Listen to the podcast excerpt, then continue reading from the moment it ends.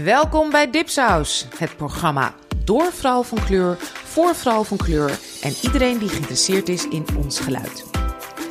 Deze aflevering is opgenomen vanuit Den Haag, vanuit New York City en vanuit Amsterdam. Dit is seizoen 8, aflevering 73. Bitch Better Have My Money, a.k.a. Rihanna, Activism en Black Capitalism. Ook is dit onze eerste aflevering van Dipsaus in nieuwe stijl. Ja, ja, na vijf jaar alles op eigen houtje te hebben gedaan, zijn we nu een samenwerking aangegaan met Podimo. Dat betekent dat de eerste twee afleveringen nog te beluisteren zijn zoals je van ons gewend bent. Daarna kun je zes maanden lang gratis, yes yes, gratis, een abonnement nemen op Podimo en ons en heel veel andere podcasts beluisteren. Mijn naam is Anusha Nzume en mijn quote deze week is Never a failure, always a lesson. Dat is het levensmotto van Rihanna. En zoals ik al zei, over haar gaan we het straks heel uitgebreid hebben. Word on the street ondertussen is, is dat ze is bevallen. Maar zelf heeft Rihanna nog helemaal niks bevestigd. En mijn naam is Mariam El Maslohi. En one thing I did not love this week, en dat is best wel een understatement, en dat is uh, de moord op Shirin Abu Akleh. Dat is een uh, Palestijnse journaliste, een vrouw die ik eigenlijk vanaf dat ze op tv was, heb ik uh, gezien en met een deo-fles nagedaan voor de spiegel. En zij eindigde altijd met Shirin Abu Akleh, Al Jazeera, Ramallah. En even een kleine dedication uh, aan haar. Verschrikkelijk. Mm. Ja, ik, ja, ik zag ook gewoon, ik zag ook dat het weer uh, raak was op ja, tijdens haar begrafenis. Killing om ja. te zien. Ja. Ja. ja, je moet je eigenlijk voorstellen dat ik deze vrouw eigenlijk sinds ik me kan herinneren op, op tv heb gezien. En ze was ook, wat, wat ik vind eigenlijk ook heel belangrijk vind, het is een vrouw die um, on the frontline is geweest in echt decades lang in, uh, in deze oorlog of conflict of hoe je het ook wilt noemen. Um, zij was, het, zij was het gezicht, weet je wel, een vrouw. Ik weet niet hoeveel oorlogverslaggevers, weet je, wij kennen die vrouw zijn. Maar in ieder geval in Palestina hadden ze er eentje en dat was, uh, en dat was Shirin. Dus ja, dedication. En, dus daarom, echt een understatement. Wat, ja, wat, One thing I did not love. Wat is er precies gebeurd?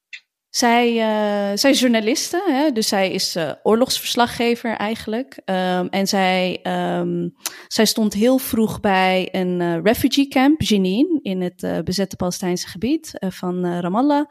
En um, zij is precies onder haar pershelm geschoten.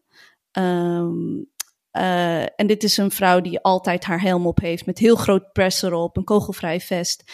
Um, dus uh, ja, de meeste mensen denken, en alles wijst erop dat dit gewoon door een sniper, een ja. Israëlische sniper, is, uh, is gedaan. En ook de verslaggeving daarna is gewoon heartbreaking van, this is van, vooral vanuit hè, media, vanuit, vanuit westerse media, dit is je collega.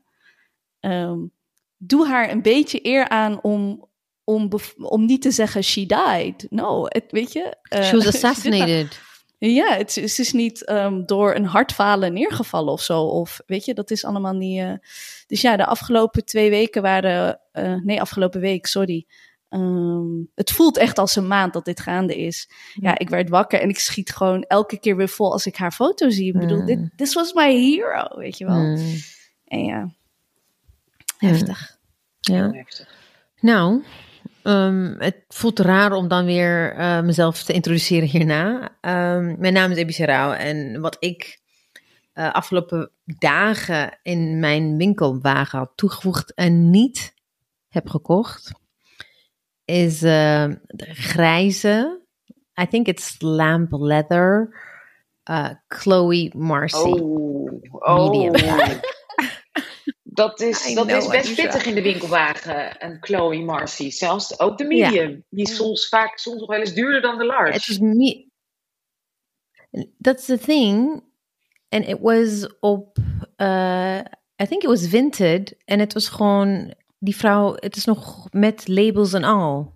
En it was 500 euro's en ik heb het niet gekocht. Vertel even voor de mensen die echt hebben, hè, wat? Chloe, Marcy, Vintage? Oh shit, oh nee. ik wilde net zeggen, en voor onze luisteraars, EBC. verhouden deze 500 euro zich nee, maar, tot de nee, tassenmarkt? Nee, maar kijk. Chloe is een bekende merk. Je hebt See by Chloe, dat is wat like a cheaper alternative. Maar Chloe is like net zoals, I don't know, de Balenciaga tassen en, en ja, misschien Louis Vuitton niet, maar ik hou daar niet van. Het is, uh, ze geven om de zoveel jaar een bepaalde iconic uh, ze, produceren iconic tassen en Chloe has been around I think for almost 10 years now. It, and almost for 10 years I've been lusting after a Chloe Marcy. Toen ik nog geen geld had. En nu denk ik van ik kan het wel gewoon een beetje, ik kan wel 500 euro betalen voor een tas waar ik al 10 jaar lang wilde hebben. Ik heb het niet en waarom gedaan. niet? Ik ben trots op Ja, je het niet gedaan? Ja. Om- omdat ik de afgelopen twee jaar heel erg bezig ben met waar ben ik mee bezig. Elke keer gewoon dingen kopen wat ik niet echt per se nodig heb, maar alleen maar wil. Dus het is een soort van gevecht met mezelf. Van doe het nou niet, want ik heb het echt niet nodig. Wat- Ah, zo. En wat, Dat wat is mij eigenlijk. Nou ja, ik, voor de mensen die dat niet weten, ehm, eh, ik heb ook een behoorlijke tasverslaving. De meeste spullen die ik meenam uit eh, Amsterdam naar New York, want ik ben van Amsterdam eh, bijna alweer vier jaar geleden naar New York verhuisd. Was echt één container, hadden we één container en, mijn meeste ruimte van mij waren mijn tassen. Terwijl ik toen nou, echt de helft heb verkocht en weggegeven. Dus toen nog de helft meegenomen. Maar ik, mij, bij mij is heel veel veranderd omdat ik nu veel meer ben overgestapt op black owned. Dus ehm, ik ben heel erg overgestapt op black owned. Geldt ook voor de tassen. En ja, eh, klinkt lullig, maar het is ergens een, elk nadeel heeft zijn voordeel. Die zijn een stuk goedkoper, black owned design. Ik bedoel, natuurlijk, je hebt ook wel hele dure, maar niet belachelijke prijzen à la zeg maar Chanel of Birkin of zo. Totdat inderdaad de tas van mijn nieuwe droommenu, een nieuwe is een Telfar tas, de Circle Bag van Telfar, een klein model. En dat is de duurste die ze hebben.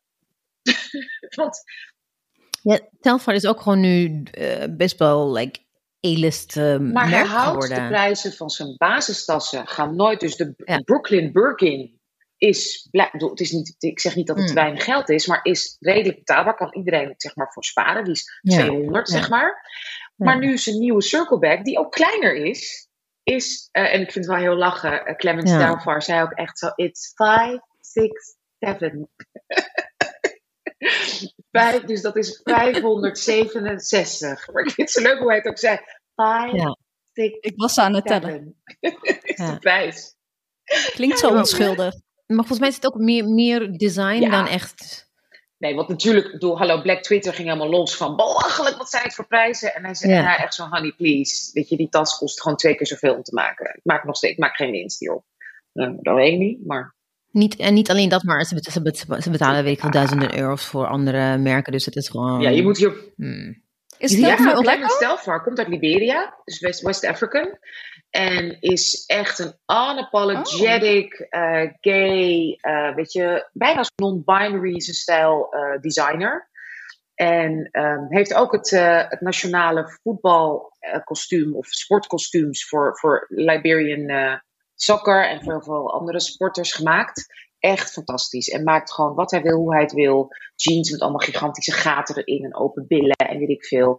En dus ook, ja, zijn, waar hij mee beroemd is geworden, was, was een tas. Gewoon hele simpele. En ook vegan. Vegan leather. Hij gebruikt geen, ehm, eh, weet je, alles is vegan wat hij maakt. En eh, eerlijk gemaakt, eerlijk betaald. Dus vandaar dat deze tas ook duurder is. Want die wordt Oh, ook, eh, weet je, mensen die die maken krijgen ook normaal betaald.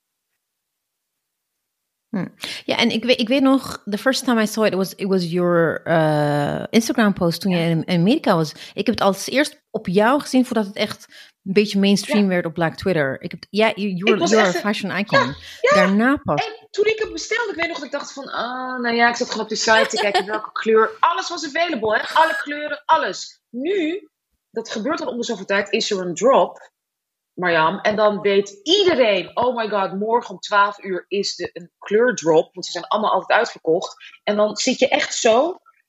Dus ik zat ook voor de circleback, heb ik echt zo gezeten. En I didn't get it.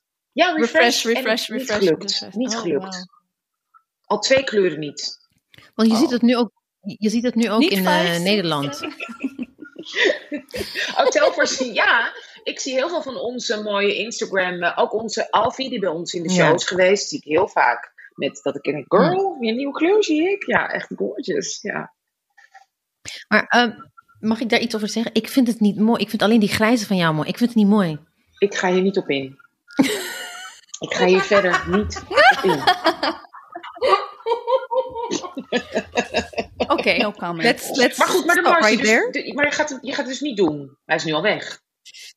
Ik heb het niet gedaan. Ik, ik, ik heb het niet het, al- het was meteen binnen anderhalf dag was het weg. En toen dacht ik van, het is goed zo. God did not want me to have it. Ik had echt, is ik had echt vrede mee. zegt ze. Oh, ik vind het bijna zielig. Maar het is, het is, ja, ik heb het in het echt gezien. Ook die het is zo mooi. Ik heb Ja, het in het ja, echt nee, gezien. geloof- het is een, Like in het wild, niet alleen op Twitter. Of op, ik bedoel, niet op... eh, want in, in Nederland zie je Marcy bijna nee, nou, niet, hè? Ja, soms in in Zuid zie ik hem wel. Het is, het is wel echt iconisch, ja. ja, ja. Ja. Ja, het is echt iconic. En je ziet het net zoals de, de YSL Nikki bag, die zie je ook in Nederland niet. Je ziet alleen maar van die trashy YSL. I mean, I shouldn't call it trashy, maar gewoon uit Zuid chic. ook. Trashy uit Zuid-chic. Ja, Got it. anyway, alright, let's not go there. Um, welkom bij Dipsaus Nieuwe Stijl. Dat is niet de reden waarom het Bies opeens zoveel geld heeft voor dure tassen. Nee, Voor de duidelijkheid. nee precies. No, no. We're, we're securing the bag. Oh ja, We zijn, nu, bag. we zijn nu gewoon, ook gewoon, gewoon rijk. En we gaan net zoals Siebert gewoon eh, een BMW En kopen, toch? stichting starten dan, Oh ja. ja, ja, ja, oh ja. Oh my god, get me my Tessie.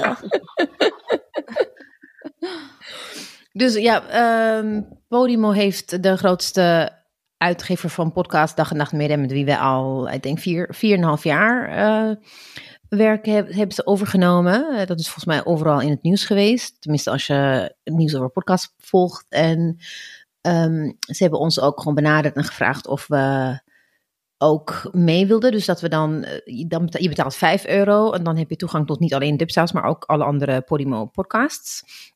En we hebben eerst allemaal best wel gereageerd van, hey, willen we dat wel of niet? Want we willen gewoon, ehm, ehm, hoe zeg je het?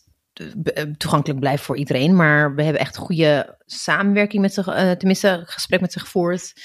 En na heel veel wikken en wegen hebben we besloten om het toch te gaan doen. En dat is ook meer om, om Ah, omdat we, ik tenminste, per- personally, I also find like, we hebben gewoon bewezen, vijf, zes jaar hebben we echt keihard gewe- gewerkt. En laten zien dat wij gewoon een ander geluid neer hebben kunnen zetten. En, ehm, maar we merken ook gewoon dat wij een beetje, we, we kind of like, had, we, we, were, we kept repeating ourselves. We, we viel elke keer weer inhaling en we wilden ook zelf gewoon een andere richting gaan. En de aanbieding van ehm Podimo kwam op het juiste moment. En they made us an offer that we didn't want to refuse. En misschien ook belangrijk om erbij te zeggen hè, dat, dat eh, die toegankelijkheid bij ons ehm, nog steeds, wacht even, hoog in het vaandel? Heel goed, Jee, in Marja. één keer. Wauw. Gezegd. In eh, één keer, hè? wat het ook is. Oh my yes. goodness. Voor de nieuwe luisteraars, ik maak mijn eigen eh gezegdes in het Nederlands. Maar ook, we hebben die nog steeds hoog in het vaandel. Dus als je nu een abonnement neemt, ehm, krijg je die zes maanden gratis. En na die zes maanden, eh, ja, dan hebben wij nog wat voor onze lieve, vaste, harde kern in petto. So stay tuned. Ehm, wij eh, blijven heel erg bezig met ons content ehm, toegankelijk te maken en natuurlijk inclusief. Ja, en ook, de ding is, ik denk dat we misschien ook wel eh, wat achtergrondinfo kunnen geven van waarom we eigenlijk over zijn gegaan.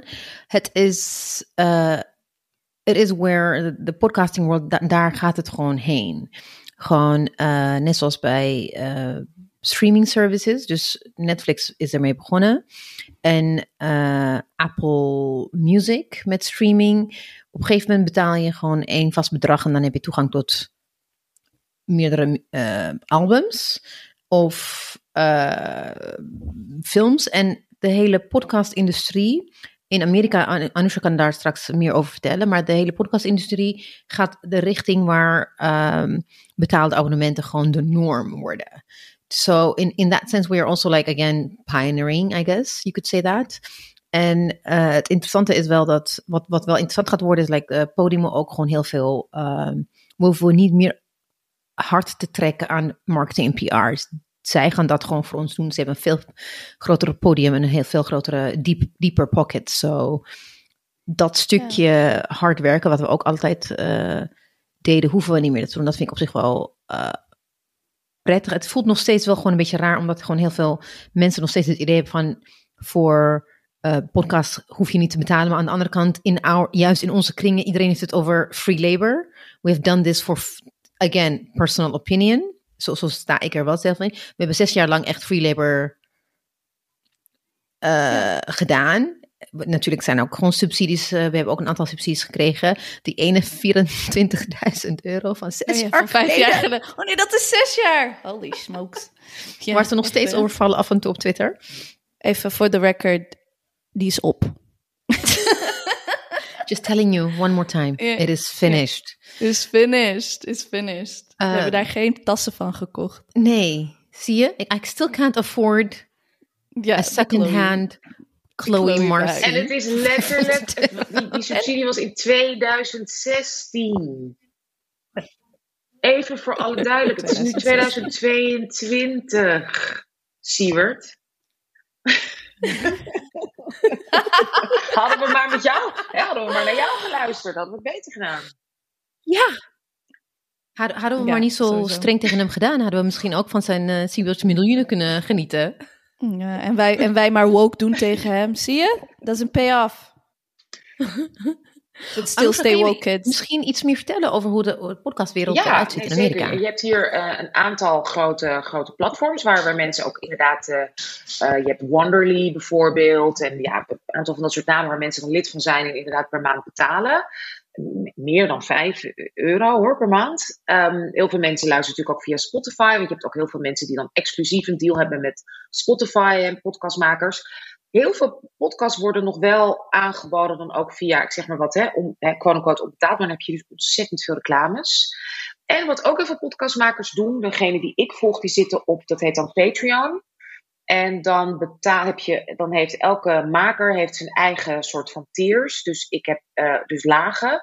Dus je kan voor 5 per maand en dan heb je, hoor je wel reclames. Je hebt voor 8 dollar per maand, dan hoor je geen reclames. En je hebt voor 15 of 10 per maand. En dan heb je extra content, video's, extra interviews. Eh, dan kan je ook meet and greets met ze doen en weet ik veel. Ja, want ik, ik las een artikel, ehm, dat is alweer een tijdje geleden. Toen wij begonnen was een van onze inspiraties de podcast The Read. En ehm, zij zijn ook sinds echt, zij bestaan een jaar langer dan dat wij bestaan. Echt, eh, het scheelt heel weinig volgens mij. En zij zijn ook pas sinds een jaar, nee minder zelfs, zijn zij, eh, hebben zij een exclusive content en zijn ze Patreon, kan je een Patreon worden en eh, geld ook aan ze doneren. Ehm, maar ik snap ook wel in het artikel waarom ze dat deden. Ze zeiden van ja, weet je, we wilden eerst gewoon de podcast opbouwen en daarna iets van je luisteraars gaan, gaan vragen, snap je? Want dit is hun wel core business. Ik bedoel, wij ook, weet je, al gaan wij bij Podimo, dan moeten wij nog steeds ehm, erbij werken. Dit wordt nog steeds niet onze core business. Ik weet ook niet of ik, ik persoonlijk dat ooit zou willen. Ehm, natuurlijk wil ik wel ooit mijn eigen Esther Perel Kaliber podcast, als Ehm, maar dat is wel interessant om te zien dat sommige podcasts zijn eigenlijk gelijk begonnen als, weet je, ehm, en gelijk eigenlijk geld hebben eh, gevraagd, om het maar zo te zeggen. En Ja. misschien is het ook, ik weet niet of ik ook, eh, of het echt paywall moeten noemen. Het enige wat je Nee. doet is eigenlijk een abonnement. Je, je, je, je hebt gewoon een, een abonnement. Ja, en mensen, denk ik, net zoals met Netflix, en nu, nu heeft iedereen, je hebt en Netflix en Prime en HBO. Men- mensen hebben minstens twee of drie abonnementen op. eh, dus ik denk dat ehm, als je echt dedicated luisteraar bent, dat je dat wel voor over hebt. I mean, it's not a lot of money voor voor eh, mensen die gewend zijn om gewoon eh, abonnementen te nemen. Dan, of course, there are also people voor wie het gewoon echt niet eh, betaalbaar is. Maar ja, het is een experiment. En, Ja, en ik gelukkig, benieuwd. ik denk dat we daar allemaal, alle drie achter zijn. Je krijgt veel, voor die 5 euro per maand krijg je veel. Heel veel mogelijkheden om heel veel podcasts te luisteren. Ja, precies. Niet alleen, uh, niet alleen naar ons. Alhoewel moet het Podimo uh, aanbod wel een beetje... Uh, weet je, Meer... laten we, zeggen, ze, laten we zeggen, ze zijn net ingeland in Nederland en there is still a lot of work to do. Of, hè, dus, um... dat, volgens mij mogen wij gerust wel wat kritischer zijn, want het is echt allemaal uit één grote bekende Nederlanders ja. ja. exact. Nou, maar ze hebben gelukkig ons. Ze hebben, eh, they got work to do. They got work to do. Ja, ze hebben gelukkig ons. En, en some of our nemesis zijn ook gewoon meegegaan, helaas. Gaan we die al noemen? Gaan we, gaan we yep. al nemen? Gaan we al... Uh... Ja, ik bedoel, I mean, die vrouw haten Schimmelpenning. Oh, ja, ja, ja. Die, die, gaan we toch niet ineens lief doen omdat, omdat wij oh, ja, En ook, hè, ook waarom de deal goed was, is we zijn nog steeds volledig uh, onafhankelijk. Uh, dus wij gaan nog steeds dezelfde content maken als dat we altijd hebben gemaakt. En dat is kritisch en van on, vanuit Ja, en sterker nog, we gaan het juist misschien wel meer zelfs doen. Omdat hè, in onze oude vorm ja. hadden we altijd een hoofdgast. Hè, was, was, was onze focus de, de, de, met name de vrouw van kleur eh, centreren. Met interviews, met, met heel uitgebreid met, met geweldige gasten spreken. En nu gaan we de focus een beetje meer verleggen en het meer hebben over thema's en over dingen die wij super interessant vinden en met elkaar en met jullie willen bespreken. Yes. En we hebben ook, uh, ja, ja, we hebben twee nieuwe dingen. We hebben één geweldige nieuwe medewerker erbij. Die, wil je graag, die gaan jullie vast ook meer van horen. Haar naam is, haar naam is Kimberly Snijders. Zij is onze productiemedewerker en ze is uh, super gaaf. En we hebben ook een nieuwe tune, zoals jullie misschien al hebben gehoord. Yes, ja, ja, ja. We zijn echt uh, heel blij ermee. Um, ik ken Anna, um, Anna Visser, ken ik al een tijdje. Uh, ik heb met Anna een paar keer gewerkt, ook uh, met andere podcasts. Um, zoals de eerste tien afleveringen van Foefel en Dadels. Dat muziekje kwam ook van haar. En ja, wij, wij we vinden, kijk, we vonden het leuk, hè, dat toen met, uh, om, om, weet je, uh, van opgezwollen een track te gebruiken dat gewoon dipsaus heette. Vijf jaar geleden vonden we dat heel tof. Uh, maar nu is het gewoon tijd voor een nieuw sound. En ja, hoe, hoe gaaf is dat ook om gewoon van een, ja, van, van Anna te krijgen. door en voor vrouw van kleur hebben wij ook weer in onze tune kunnen incorporeren. So I'm just like super excited, super happy. Abonneer je ook op onze nieuwsbrief voor artikelen, winacties, evenementen, playlists en onze eigen Dipsaus exclusive essays, recensies en relevante links. En ook, hopefully, knocking on wood without making any noise, want Mariam, uh, in het najaar ook echte Dipsaus boeken, een aantal Dipsaus boeken in het verschiet. Dat heb ik lang niet gedaan. Dat is leuk, ja, want dat is niet veranderd. Dat houden we nog. Onze nieuwsbrief gaat nergens heen. Yes. Nee, die blijft powered by the VU. Anusha, jij hebt je verdiept in the one and only. Come and rude boy, boy, can you give it up? ik moet zo lachen, ik moet me gelijk denken aan, dat was de MTV Kids Award of zo. En dan zie je Rihanna zo van, uh, hey boy, I really want to see if you... ik denk, these are kids, oké okay, Rihanna. We gaan het hebben, we gaan het hebben Rihanna. over Rihanna. En waarom Rihanna, ja. En waarschijnlijk was het dus ook nog maar een kid toen ze dat deed, want... Um, Rihanna is super jong. Ik kan letterlijk makkelijk haar moeder zijn. En dan nog heeft ze een gigantische, al echt een lange carrière achter de rug. Nou, waarom ik het over haar wilde hebben, is omdat ik. Ik, ik, bedoel, ik ben totaal niet van haar generatie. Natuurlijk kende ik haar grote hits. Maar zij viel mij eigenlijk pas op, op vanaf Fenty Beauty. Want ik um, heb jong ook in de make-up industrie gewerkt. Althans als bijbaantje altijd. Hè. Ik moest altijd werken uh, naast, mijn studie en alles. En mijn, een van mijn eerste baantjes die niet zeg maar in een horeca tent was. Of weet ik veel. Of in een soort bruiloftenband was werken achter de counter bij Givenchy en Yves Saint Laurent. En ik weet dat ik dat echt geweldig vond. En dan stond ik daar met donkerblauwe, ik heb ook nu donkerblauw aan, donkerblauw outfitje. En mocht ik vrouw opmaken. En ik weet nog hoe afschuwelijk ik het vond als vrouwen van mijn kleur donkerder kwamen. En dat ik dan moest zeggen, uh, ja, ik heb een leuke lippenstift voor je. Ik kan je niet verder opmaken. Ik, ja, ik heb niks. Ik heb ja, deze kleur die eigenlijk voor mij, en ik ben al behoorlijk light-skinned en, en, en mixed, al te licht was. En dat vond ik zo vreselijk. Dus dat is ook een reden waarom ik vrij snel dacht van ja, dit is gewoon niet interessant. En het was ook een bijbaan. Ik ben, nou, zoals jullie weten, allemaal andere dingen gaan doen. Maar toen ik haar merk voor het eerst zag uitkomen, dat was eigenlijk altijd de issue van waarom doet niemand anders dat? En het was altijd, het is te duur, het is niet te doen, het is niet genoeg. Het is... En dit was letterlijk binnen, nou, een dag, gewoon een mega succes. Dus dat is hoe ik eigenlijk Rihanna pas weer ken. Dus dan heb ik het over 2017. Dus ik kende wel de liedjes. Ik dacht, oh ja, ze kan wel zingen, ze is oké, whatever. Maar ik vind haar zo'n interessant fenomeen. Dus ik dacht ook echt, nou, hè, wij dachten ook met z'n drieën. Als we een vrouw, hè, nu, wie, is er nu interessant om te bespreken, is zij het wel. En ik kan jullie vertellen, lieve ladies. Nou, ik, ik, ik, ik ben echt, ik zat echt letterlijk totdat we met elkaar gingen afspreken nog te googelen, te zoeken en te lezen. Ik heb haar auto, of niet haar, ze heeft nog zelf geen autobiografie geschreven, maar haar biografie gelezen. Nou, het is niet normaal, deze vrouw. Dus ik wil beginnen met, wat is jullie idee van haar? Marjam, laten we met jou beginnen. Wat is jouw gevoel, idee bij Rihanna? Uh, yo, Mr. DJ Tom van je replay. Mr. D ik was toen een tiener. Ik vond mezelf echt heel tof hè, als tiener. Want volgens mij was ik 15 of zo. En ja, en ik vond Rihanna het was leuk, maar dat was wel in een periode waarin er wel heel veel andere uh, light-skinned vrouwelijke artiesten opkwamen. Um, uh-oh, weet je, dat, dat ja. en uh, Sierra kwam ook en um, Emilia of wat dan ook. Dus het paste echt gewoon in de hippe, hippe muziekjes van die tijd. Dus ja, ik heb, ik heb haar gewoon op mijn mp3-speler van 128 MB heb ik wel uh, echt heel veel Rihanna geluisterd, maar daarna ook, maar ook, ja, dus ik denk dat zij, zij is wel echt, kan je dat zeggen over een celebrity wel, hè? Gewoon zo met mij gegroeid. Dus ik, ik, weet eigenlijk niet beter dan altijd, er is altijd muziek van Rihanna, er is altijd nieuwe, um, um, ik, heb, ik weet ook nog dat toen ik in Libanon woonde, toen kwam Oh Nana, What's My Name? En dat was mijn ringtone. Um, dus altijd als Rihanna met een nieuw album kwam, kende ik het. Dus ja, het is voor mij gewoon echt zo'n constante muziekpersoon geweest in mijn leven. Ik moet zeggen, meer dan, ga ik het nu al doen, ja, meer dan Beyoncé. Moet ja, oké. Okay.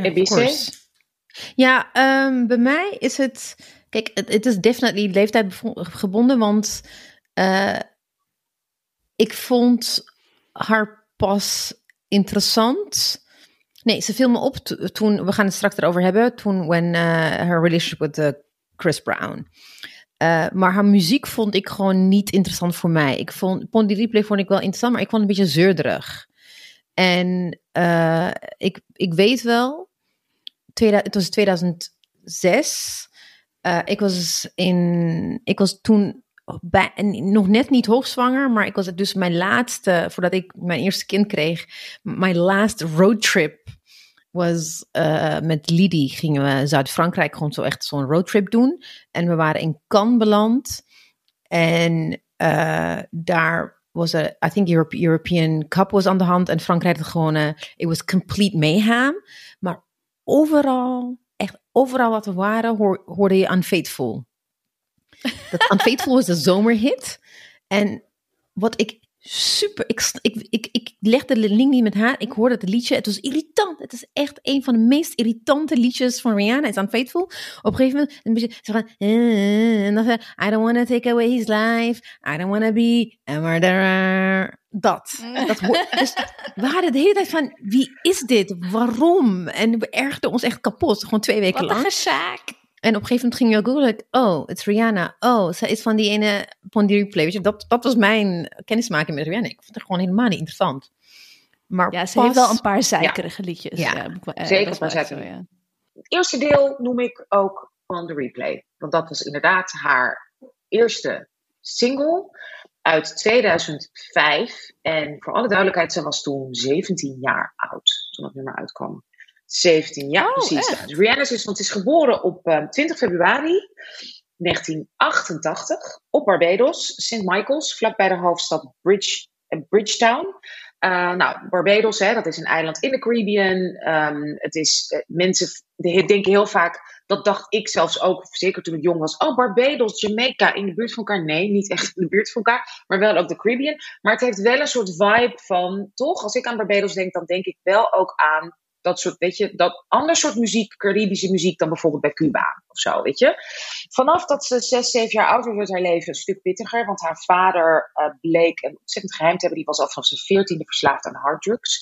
En zo ook aan crack cocaine. Hij werd steeds gewelddadiger. Uh, dus ook trigger warning. We gaan het in deze aflevering absoluut ook over huiselijk geweld hebben. Zowel van Rihanna zelf, maar nu dus ook haar moeder. nou, die, die, dus, dus toen was haar jeugd gewoon verschrikkelijk en ontzettend zorgelijk. Vanaf dat ze 14 was, is haar moeder pas weggegaan bij de vader. Dus het heeft heel lang geduurd voordat het echt klaar was met die man. En toen, um, ja, was het heel pijnlijk voor Jenna, omdat haar vader soms zelfs op straat leefde en zwierf. En dan weer werd opgenomen door familie, dan weer oh, niet. Ja. En iedereen wist dat. Er werden grappen over gemaakt. Ze werd uitgelachen. The secret was zeg maar out. Wat was nou haar lucky break? Toen ze jaren 14, 15 was, twee behoorlijk bekende producers. Dat zijn uh, Roger Evans en Carl Sturken. Die hebben heel veel muziek gemaakt voor bijvoorbeeld Rod Stewart, maar ook voor NSYNC, voor Jessica Simpson. Die waren dus heel vaak op Barbados op vakantie. Want volgens mij allebei, maar in ieder geval zeker eentje daarvan, Roger, had een vrouw uit Barbados. Nou, haar ontmoet tijdens een tournee. Was, oh joh.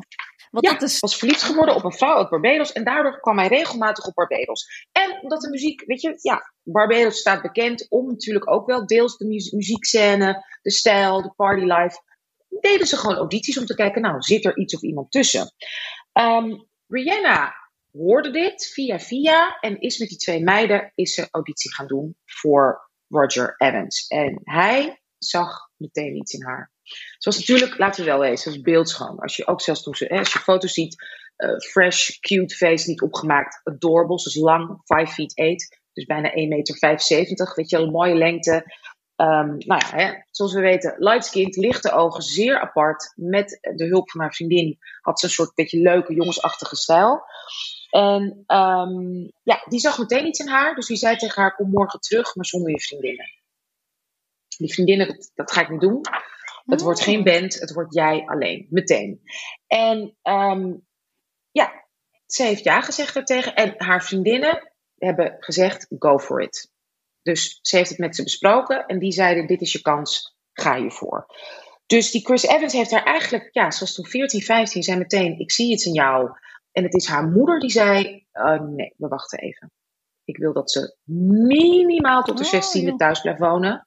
Want dat betekende eigenlijk naar Amerika. We gaan demos opnemen. We gaan aan je carrière werken. We gaan van school af.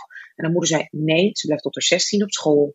Dus vanaf dat ze 14, 15 was, vloog ze al heel vaak heen en weer naar Amerika, naar Connecticut om daar demos op te nemen met deze Roger Evans en die Carl Sturken. En logeerde dan bij Roger en zijn vrouw. Dus dat was een beetje haar tweede familie. Haar moeder kende ze ook. Dus het, het was echt, echt dat je denkt, hè, wat, wat, hoe, hoe, hoe, hoe kan dit zo goed gaan? Want dit kan zo jong juist zo fout gaan. Als je dan bij de verkeerde persoon in huis bent. Aan de andere kant van de oceaan, ver van je moeder. En je bent totaal niet door de wol hmm. geverfd. Je weet helemaal niks van de industrie. It could have gone horribly wrong. Maar door deze twee mensen ging dat redelijk, dus hartstikke goed. Het tekende contact met haar. Um, nou, ze maakte een aantal demo's. En die demo kwam ook terecht bij Jay-Z. En die zat toen bij. Ja, ik wilde net vragen van, hè? Ik dacht gewoon dat Jay-Z... Nee, je hebt haar niet ontdekt. Die kreeg die demo op zijn bureau. Van, um, van, uh, dus die, uh, van die Evans. En hij zat toen bij Def Jam. Was niet de baas van Def Jam. Dat was L.A. Reid. Hele bekende producer ook. Uh, en hij vond het oké. Maar een beetje zoals jullie ook zeiden, ja, het is wel een leuk, leuke single, maar is, is dit nou wel echt iets? En hij twijfelde zelfs aan of hij nou echt daar, maar dacht, nou weet je, het is een mooi meisje, dus laten we op politie komen.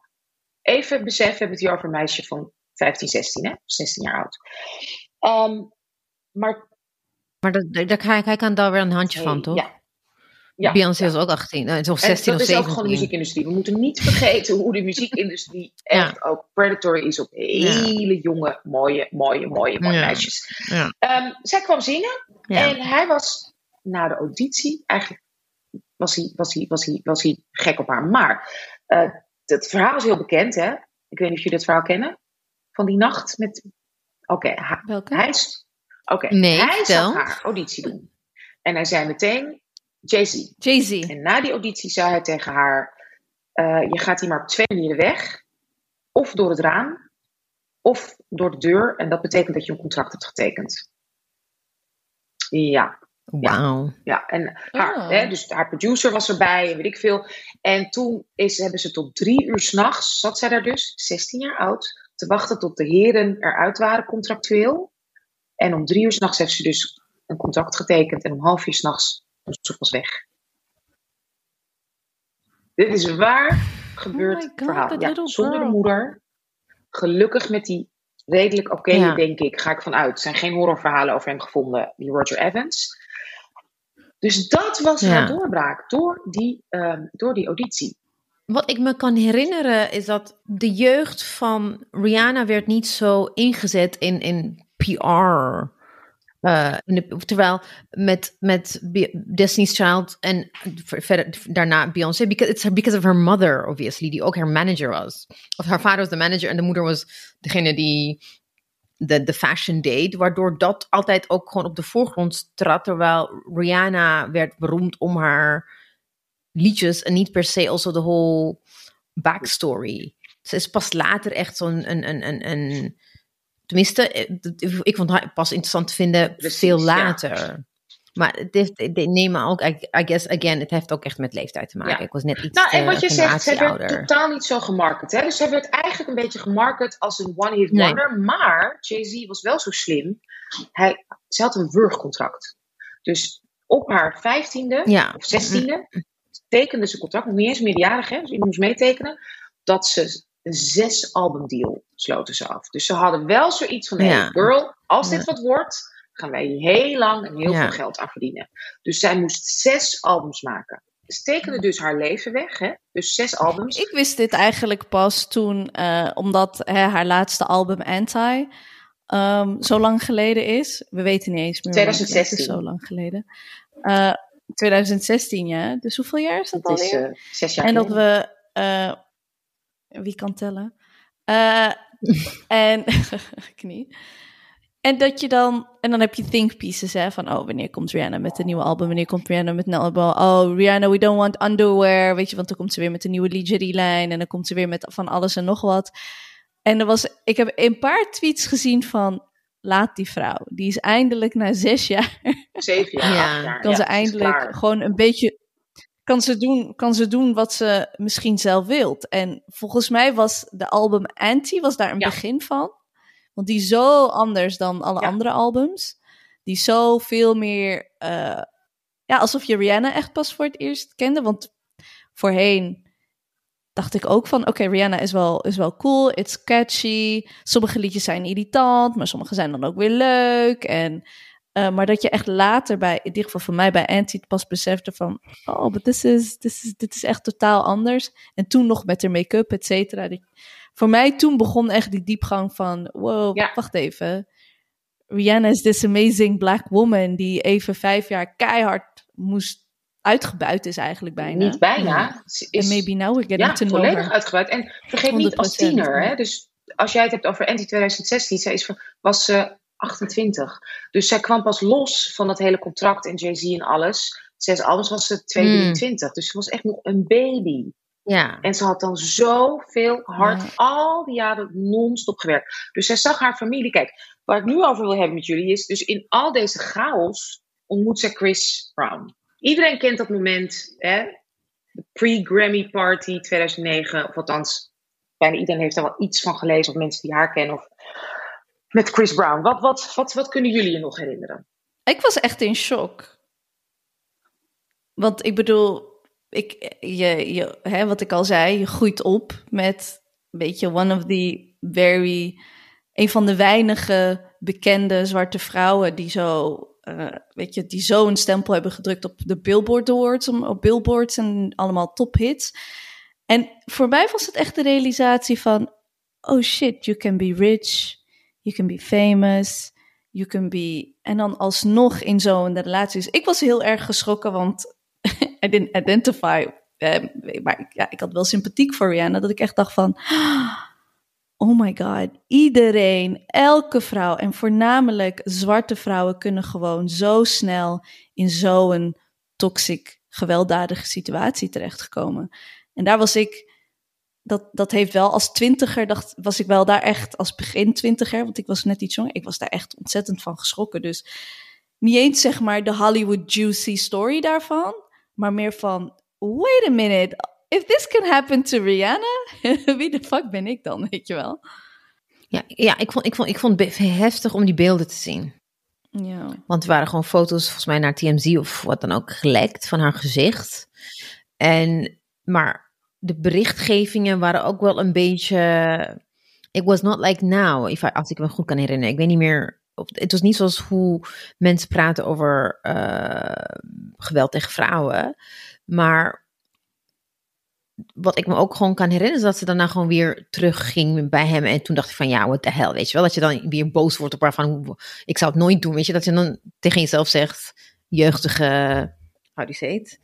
Uh, bedweterigheid. Ik dacht van, het kan mij nooit overkomen. Dat, dat, dat kan ik me wel herinneren, want het it, it was really... En also, ja, ook, ook omdat Chris Brown was heel geliefd Mm. Especially in the black community. Want he was, he was the next Michael Jackson met zijn dansjes en uh, hij en Usher. En songwriter heeft ook liedjes voor haar album geschreven. Hij was echt he heel bekend en, en beroemd en geliefd in de industrie. Ja, ja, dus hij kreeg ook heel veel sympathie. Het was niet meteen, uh, I don't think it was like meteen een, uh, tenminste within the black community. Natuurlijk had je ook gewoon, het is nog steeds like black music, dus al die Breitbart-achtige rechtse media gingen natuurlijk bovenop uh, duiken, kan ik me ook nog herinneren. Maar ik vond dat het was echt one of, dat is wel iets wat altijd aan haar plakt. Ja. maar ook het feit dat, dat dit dus hè, dus being rich, being famous, being Rihanna, gaat je dus niet, is geen garantie van dat, dat je niet, wat je in je jeugd hebt meegemaakt, hè, zoals hè, de, de toxische relatie van haar ouders, dat je dat niet gewoon meeneemt en dat, dat, en dat je niet mm. doorhebt van, eh, dat, dat ook toxic geweld, dat dat het geweld is dat je kent en dan voor je het weet zit het in je leven. Dus daar is geldt geen garantie voor. Daar is being famous, misschien werkt dat helemaal niet mee. En at the end of the day, ja, is Rihanna, als je kijkt naar de statistieken, zijn zwarte vrouwen, weet je, hmm. veel meer kwetsbaarder. But also Rihanna. En dat is wat ik echt dacht. Hmm. I remember it really kind of like breaking my heart, denk ik, toen ook. Als, als echte, ik dacht van, shit. Ja, nee, nee, absoluut. En ze was natuurlijk, nou nogmaals, vergeet niet, ze was twintig. Dus ze was echt een baby. Ja. En midden in zo'n contract van zes albums moeten maken, uit moeten stampen, terwijl je al dat andere werk doet om die albums te verkopen. En ze had ook medelijden met hem. Hij was ook jong, hij kwam ook, hè, hij kwam uit een abusive gezin ook. Zijn moeder werd geslagen, geloof ik, weer door zijn stiefvader of vader. Ze had medelijden met hem. Ik wil niet speculeren over zijn drug issues, maar we zien allemaal, we hebben toch allemaal hè, gezien dat je denkt, uh, zal me, laat ik het zo zeggen, zal me niks verbazen als hij ook verslavingsissues had. Er natuurlijk heel veel mensen in de muziekindustrie. En zij is zo jong en hoopvol. En, ja. Dus zij is heel ver naar hem teruggegaan. Ja, ik weet, ja, ik, ja, ik weet dat na uh, Rihanna, er zijn ook gewoon, ook gewoon om de zoveel tijd weer incidenten met Chris Brown en uh, abuse, being abusive to other women. Ja, tot de dag uh, van vandaag hoor. Ja, tot de dag van vandaag. Maar toen was hij wel geliefd. Dus dat is een andere. De, de, de, de narrative was different. Dus dit was echt. Ja. Zij werd ook heel erg hard ja. aangepakt in de media. Van ja, maar wat heeft zij gedaan? Ja. En we zien niet wat Klopt. zij. En hij zat bij uh, allerlei talkshows. Wat nu bijna niet meer kan. Nu is, wordt iemand, ah, quote, hè, sneller gecanceld. Die wordt echt niet uitgevoerd. Hij zat bij Larry King met advocaat en met zijn moeder en helemaal zijn verhaal doen.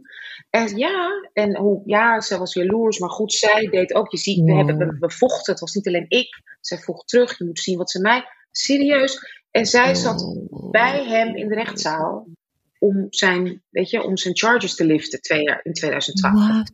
Dus dit heeft letterlijk, bedoel, ze kenden vanaf 17, 18 en het heeft letterlijk geduurd tot ze 2, 23 was. En it's kind of interesting that we're talking about this, terwijl nu midden in dat uh, Amber Heard en uh, Johnny Depp uh, verhaal. Wat een, ik probeer, ik probeer niks mee te krijgen.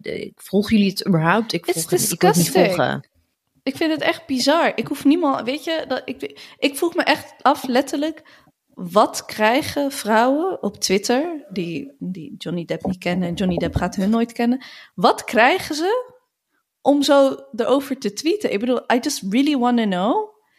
Dat je gewoon in de ochtend opstaat en denkt: oh ja, die gast van de Pirates of the Caribbean, laat ik daarover tweeten. Uh, Amber is mean of zo. Ik, ik snap het niet. Ik snap het echt niet. ik, ik, ik, ik vraag me af wat voor machine daarachter zit. Want er was wel onderzoek gedaan dat een paar jaar geleden, toen, dat, hè, toen ze uit elkaar gingen, dat er echt heel veel op social media bots en weet ik veel betaald.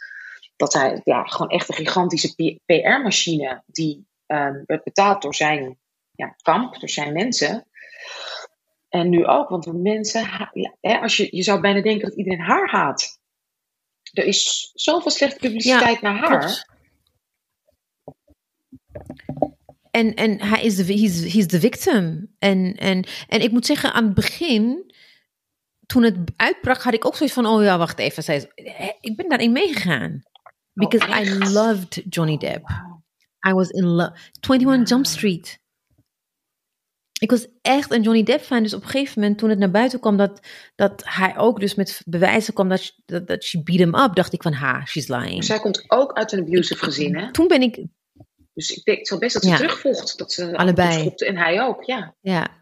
Nee, het heeft, ja, heeft ze ook gedaan, maar het is omdat ze het dus uit zelfbehoud. Het is niet dat, I mean, there's also a power imbalance. Oh, I mean, hij is uh, in de 50 en zij was 15 Letterlijk bijna 30 jaar jonger. Want wat heeft Weet zij nou te winnen aan hem probeer, haar, al, haar carrière is kapot. En ik, heb je gezien hoe ze, hoe, zij is een van de, hè, werd gezien als een van de mooiste vrouwen, bla bla bla.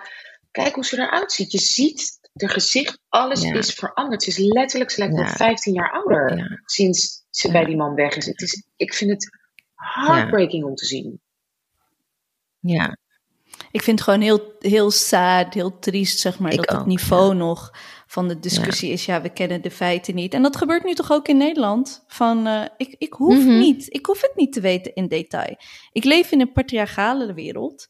Ik leef in een wereld waar mannen ermee mee, mee wegkomen. Ja, yes, all men. I don't care. Dat, maar waar je het over hebt in Nederland, zoals met Johnny de Mol, weet je, dat toen in een hotel, geloof ik, ergens op vakantie, zijn vriendin in elkaar werd geslagen. Wat was het eerste dat gebeurde? Damage control. Dat is eerst het gebeurde. Zij moet weg, andere kamer, dit, dat, zussen. Dat is gewoon, dat ligt, dat is gewoon vast, hè? You're, kidding. ja, de partner van zijn vader dat wist ik dus niet eens. heeft in eerste instantie geregeld: oké, jullie nu uit elkaar en dan zien we wel. In plaats van: what the fuck, dit kan niet. Ik bedoel, dat is gewoon onomstoten bewezen. Dat dat gewoon zo is. Dat, is gewoon, dat zijn gewoon de feiten. En dan kan je wel heel verhaal hebben. Ja, maar we moeten hem ook beschermen. En ja, ze hadden ruzie. Ja, maar ze hebben allebei. Bla, bla, bla. Maar dat is dus de modus operandi. Damage control. En dat gebeurt dus ook. Dat gebeurt natuurlijk ook. Ja, want je hebt het over miljoenen. Ja. ja. Kijk, ik... ik eh, wat ik heel vaak zeg maar... Het is hè, zoals heel veel ismes, seksisme... is ook gewoon een soort van rekensom. Waar doe je de meeste schade, eh, schade mee? Waar doe je de meeste schade mee? Is dat zeggen, uh, yes, all men are bastards? Of heb je het meeste schade mee dat je zegt, ja, we kijken het al nog allemaal aan en eerst even hmm. schade. Wanneer je zegt, we kijken het aan en we moeten de boel onderzoeken, because dan gebeuren de meest horrible things to women. Exactly. Om, om, om een, om een, om een, om een uh, hoe noem je dat? Om een, zeg maar, een, een target te zetten op een man. Uiteindelijk komt het toch wel goed met hem. Snap je? So why not? Why not target men just for the sake of? Waarom niet? Wat is er mis mee? Je bent guilty until proven otherwise. Wanneer de nummer één, eh, weet je dat de nummer één bedreiging voor vrouwen de man is? Ja, maar Marjan, dan krijg je chaos. What is wrong with that analysis? Dan gaan vrouwen dat andersom ook doen. Er zijn zelfs wetgevingen op geweest, hè? Van ja, maar dan gaan vrouwen ook. Ja, zeker in Amerika, wat een ontzettend gewelddadig seksistisch land is. It's still, when you look at, uh, als, je, als je de rekening opmaakt, Chris Brown maakt nog steeds hits en is still number one. Uh, hij heeft gewoon in de charts. He's, he's still around, he's still beating up women. En he's settling en, en niemand breekt met hem af. En hetzelfde geldt ook gewoon voor Johnny de Mons. Ook een kwestie van tijd voordat uh, het allemaal. Hij kan, hij kan gewoon lang genoeg procederen, waardoor ze niet. Uh, ja, want ze, ze, en Lil Kleine loopt ook gewoon rond. Die gaat nu in rehab. En ze zei, ja, natuurlijk. Maar ook, want dat was dus ook met, uh, wat was het nou, met, um, over wie we het nou hebben? Dat ik ook dacht van, wat de hel. Oh ja, ook nu in Nederland, dat die, dat die Jan Derksen gewoon weer ja, ik stop ermee, ik ben gecanceld. Maar dat is echt- ja, ja, Dat programma is gewoon weer Ik geloof echt dat dat een complot is. Ik, op, ik geloof echt dat dat gewoon van tevoren bekookstoft is. Ik geloof er niks. Ik, to- when people were like, iedereen viel over elkaar heen, dacht ik van, kom op mensen. Dat gaat niet gebeuren, Like, toch? why are you wasting your Wat, breath? wat, wat, wat is een complot volgens jou? Dat het gewoon echt, dat ze het gewoon, it was um, manufactured ophef. Dat, dat, dat hij heeft gelogen over die kaars? Dat het gewoon allemaal was om haha, me too? Ja, ja, dat hij gewoon overdreven heeft. Gewoon eh, dat hij overdreven heeft om gewoon van kijken hoeveel, hoe, hoe ver ik kan gaan. En dan heel dramatisch weer voor de zoveelste keer. Ik stop ermee. Oh nee. En dan komt hij weer terug. Dit is de zoveelste keer. Dus ik, ik dacht van, why are people wasting their time and breath on this? En ja hoor, precies twee weken later. Ja.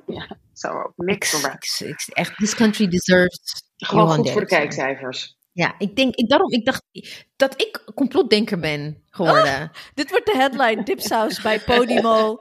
Dipsaus, complottheoristen, te- complotterroristen. eh, aanval op Siewert, aanval op Johan Derksen.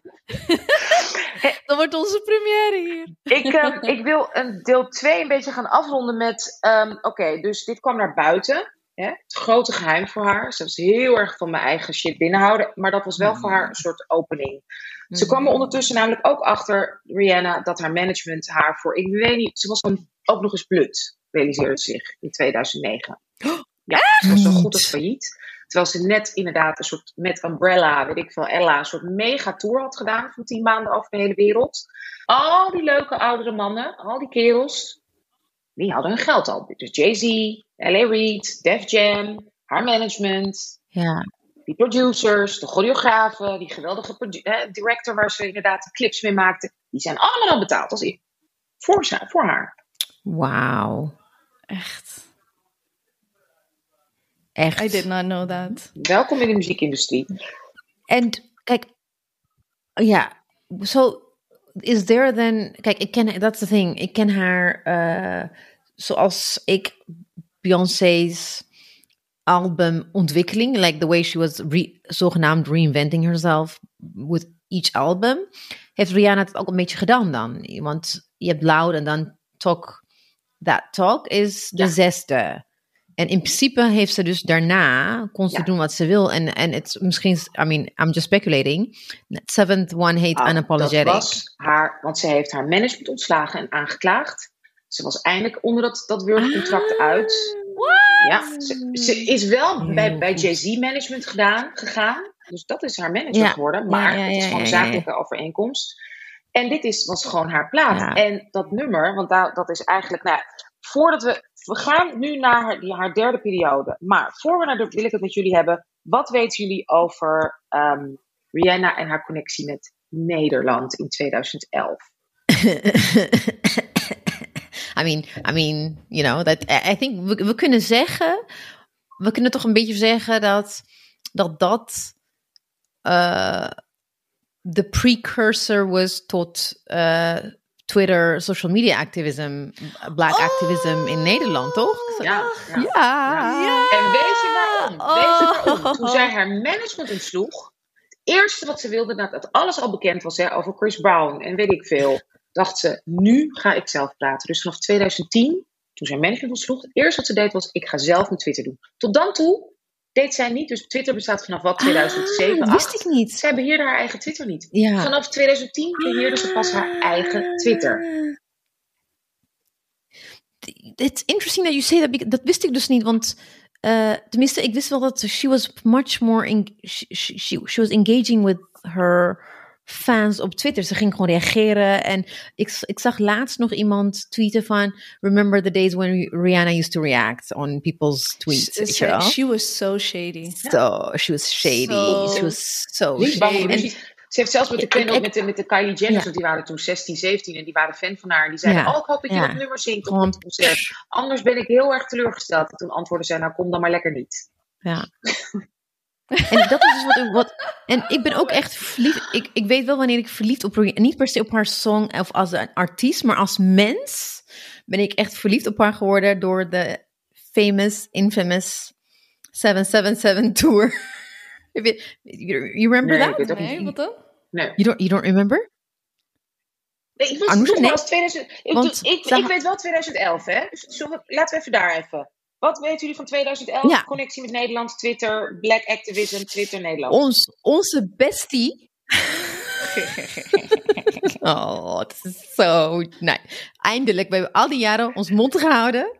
Kunnen we al, in retrospect, onze alle, alle, alle beste vriendin van Volkskrant Magazine, Eva Hoeken. Hey. Hallo Eva. Eh, was, eh, ze was hoofdredacteur van Jackie magazine. En dan hadden, hebben ze dan van die, you know, like looks. En een van de looks eh, hadden ze dan, wat zegt ze? I don't want to use the. N-word, but she, she basically called Rihanna's look bla, iets met ghetto en ghetto, ghetto ass en N-word bitch. Dat is dan Ja, dat zijn Haar stijl look. en she doesn't give a shit en dit en dat en gewoon er komt en bla bla. Nou, ik wil niet te veel, maar dat, ja, absoluut. En dat was gewoon zo'n plaatje en dat, Echt? was, en dat was positief, was een compliment, hè? Was leuk, was een grapje, was, was, was, was Oh leuk. ja, ja, ja. Dat willen we allemaal wel. En toen, Ja, ik heb jou Wat gebeurde er toen? gestuurd. Want ten eerste, jij weet volgens mij nog, dat kon ik niet vinden in mijn research, in mijn deep dive, wie, hoe is Rihanna hier achter gekomen? Want waarom zou Rihanna weten dat een van haar Nederlands, ik veel, Jackie blaadje iets over haar schrijft? eh, wat ik wel kan herinneren is dat op een gegeven moment de, degene die in Nederland het echt via social media verspreidde was eh Zerijda Groenhart, Groenhart, ja. heet ze toch? Eh, haar- Groenhart, haar achternaam. Toen was ze nog, I think she was she working for Linda. Ja. Ze was op tv. In ieder geval, she was still before she went uh, her own way. She was on TV en zij is, ze is ook lief. Zerijda is gewoon lief op tv. She was always, you know, friendly. She, ze ging helemaal los op, op Facebook volgens mij. Toen waren we meer op Facebook. Toen ging zij ook allemaal ja, gewoon allemaal eh, van op, Ja- de op, retweet. op de eh, pagina van eh, Jackie gegaan. En echt toetsenbord like this. Ja, ja. Gingen we helemaal los. Eh, maar ik kwam dus laatst achter dat ehm a Dutch, black Dutch guy or people, person of color in who is in the music industry in boekingen heeft erover getweet of hij heeft iemand in Amerika die hij kende in de music industry heeft die gewoon via social Via media Twitter, ja. benaderd En gewoon en die heeft via. Twitter ja uit Rihanna en toen heeft eh, een een een eh, black American blogger heeft het opgepakt en ook een blog over geschreven. Rihanna reacted. And as they say, the rest is history. Toen, toen was er wel cancel culture. Toen Zij het wel een beetje beetje. voor- zij was eigenlijk dus in die zin was een pionier qua cancel culture. Want Ebis, ik heb jou een tekstje gestuurd. Als het goed is. Lees even voor Oh, Rihanna oh, oh, oh. antwoorden Even kijken, op Twitter. even Gewoon het? Eva Hoeken. Ja, oké. oké. Ik heb. Oh ja, hier, je hebt het gestuurd. Ik. Wat zegt ze? Oh ja, ze zegt. ehm, dit is dus gericht aan eh, Eva Hoeken, onze vriendin. I hope you can read English because your magazine is a poor representation of the evolution of human rights. I find you disrespectful and rather desperate. You ran out of legit civilized information to print. There are thousands of Dutch girls who would love to be recognized for their contributions to your country. You could have given them an article. Instead, you paid to print one degrading an entire race. That's your contribution to this world. To encourage segregation, to mislead the future leaders to act in the past. You put two words together with the intent of abasement that made no sense. En dan schrijft ze N-word bitch in uh, capital letters. Well, with all respect, on behalf of my race, here are my two words for you. Fuck you. Uitroepteken, uitroepteken, uitroepteken. en toen echt, that was like, voor ons, I think for black people die nooit serieus werden genomen. Ja, When it comes to like eh, klagen over hoe wij gerepresenteerd worden. Hoe bijvoorbeeld eh, als zwarte mensen jewelry dragen, is het, alles is bling bling, alles is ghetto. It was just like een soort van healing. Mhm, mhm. En, en, en eh, had, had consequenties. Is, eh, zij, ik weet, als, zij, Heeft zij is toen toch... ontslagen. Of ze heeft ontslag Is ze genomen. ontslagen? Heeft ze ontslag In ieder geval, ze genomen? dacht, oh my god, cancellation. Ik bedoel, ze ging daarna, vlak daarna weer lopen Volkskrant Magazine via haar connecties. Bedoel, she's fine. maar Ja. dat was wel echt een geweldig moment dat zij, dat she resigned. En op haar manier, dit is heel zielig voor mij, dat was haar excuus. Dit was gewoon grappig bedoeld en leuk. Het is helemaal Ja. misgegaan, dat heb ik geleerd. En nog steeds, als iemand, één keer, tijd op Twitter, gaat iemand, zegt iemand tegen Hoeken, oh ja, jij was toch die van bla bla bla bla, bla. En dan echt, dan reageert ze ook echt altijd een en al grote white tears. Echt van, oh, na al die jaren word ik daar weer op gepakt. En, bam, bam, bam. en ik ben anti-zwarte Ja, Piet want bla, has ze apologized. heeft apologized, ja. She- Maar wat ik wel, als ik me goed kan herinneren. ehm, I'm not sure. Did, did Jackie Rectify, hebben ze daar ooit. Oh, dat weet ik eigenlijk Ja, ja, nee, ze hebben wel Volgens mij niet, officieel, ze waarschijnlijk hebben niet, gewoon echt, zij, vooral, want zij was hoofdredacteur. Dus zij heeft echt ook, Ja. ze hebben het ge- eh, sorry dat dat we nooit moeten doen, dat was niet de bedoeling, dit en dat, en dat. En zij is inderdaad eh, is opgestapt.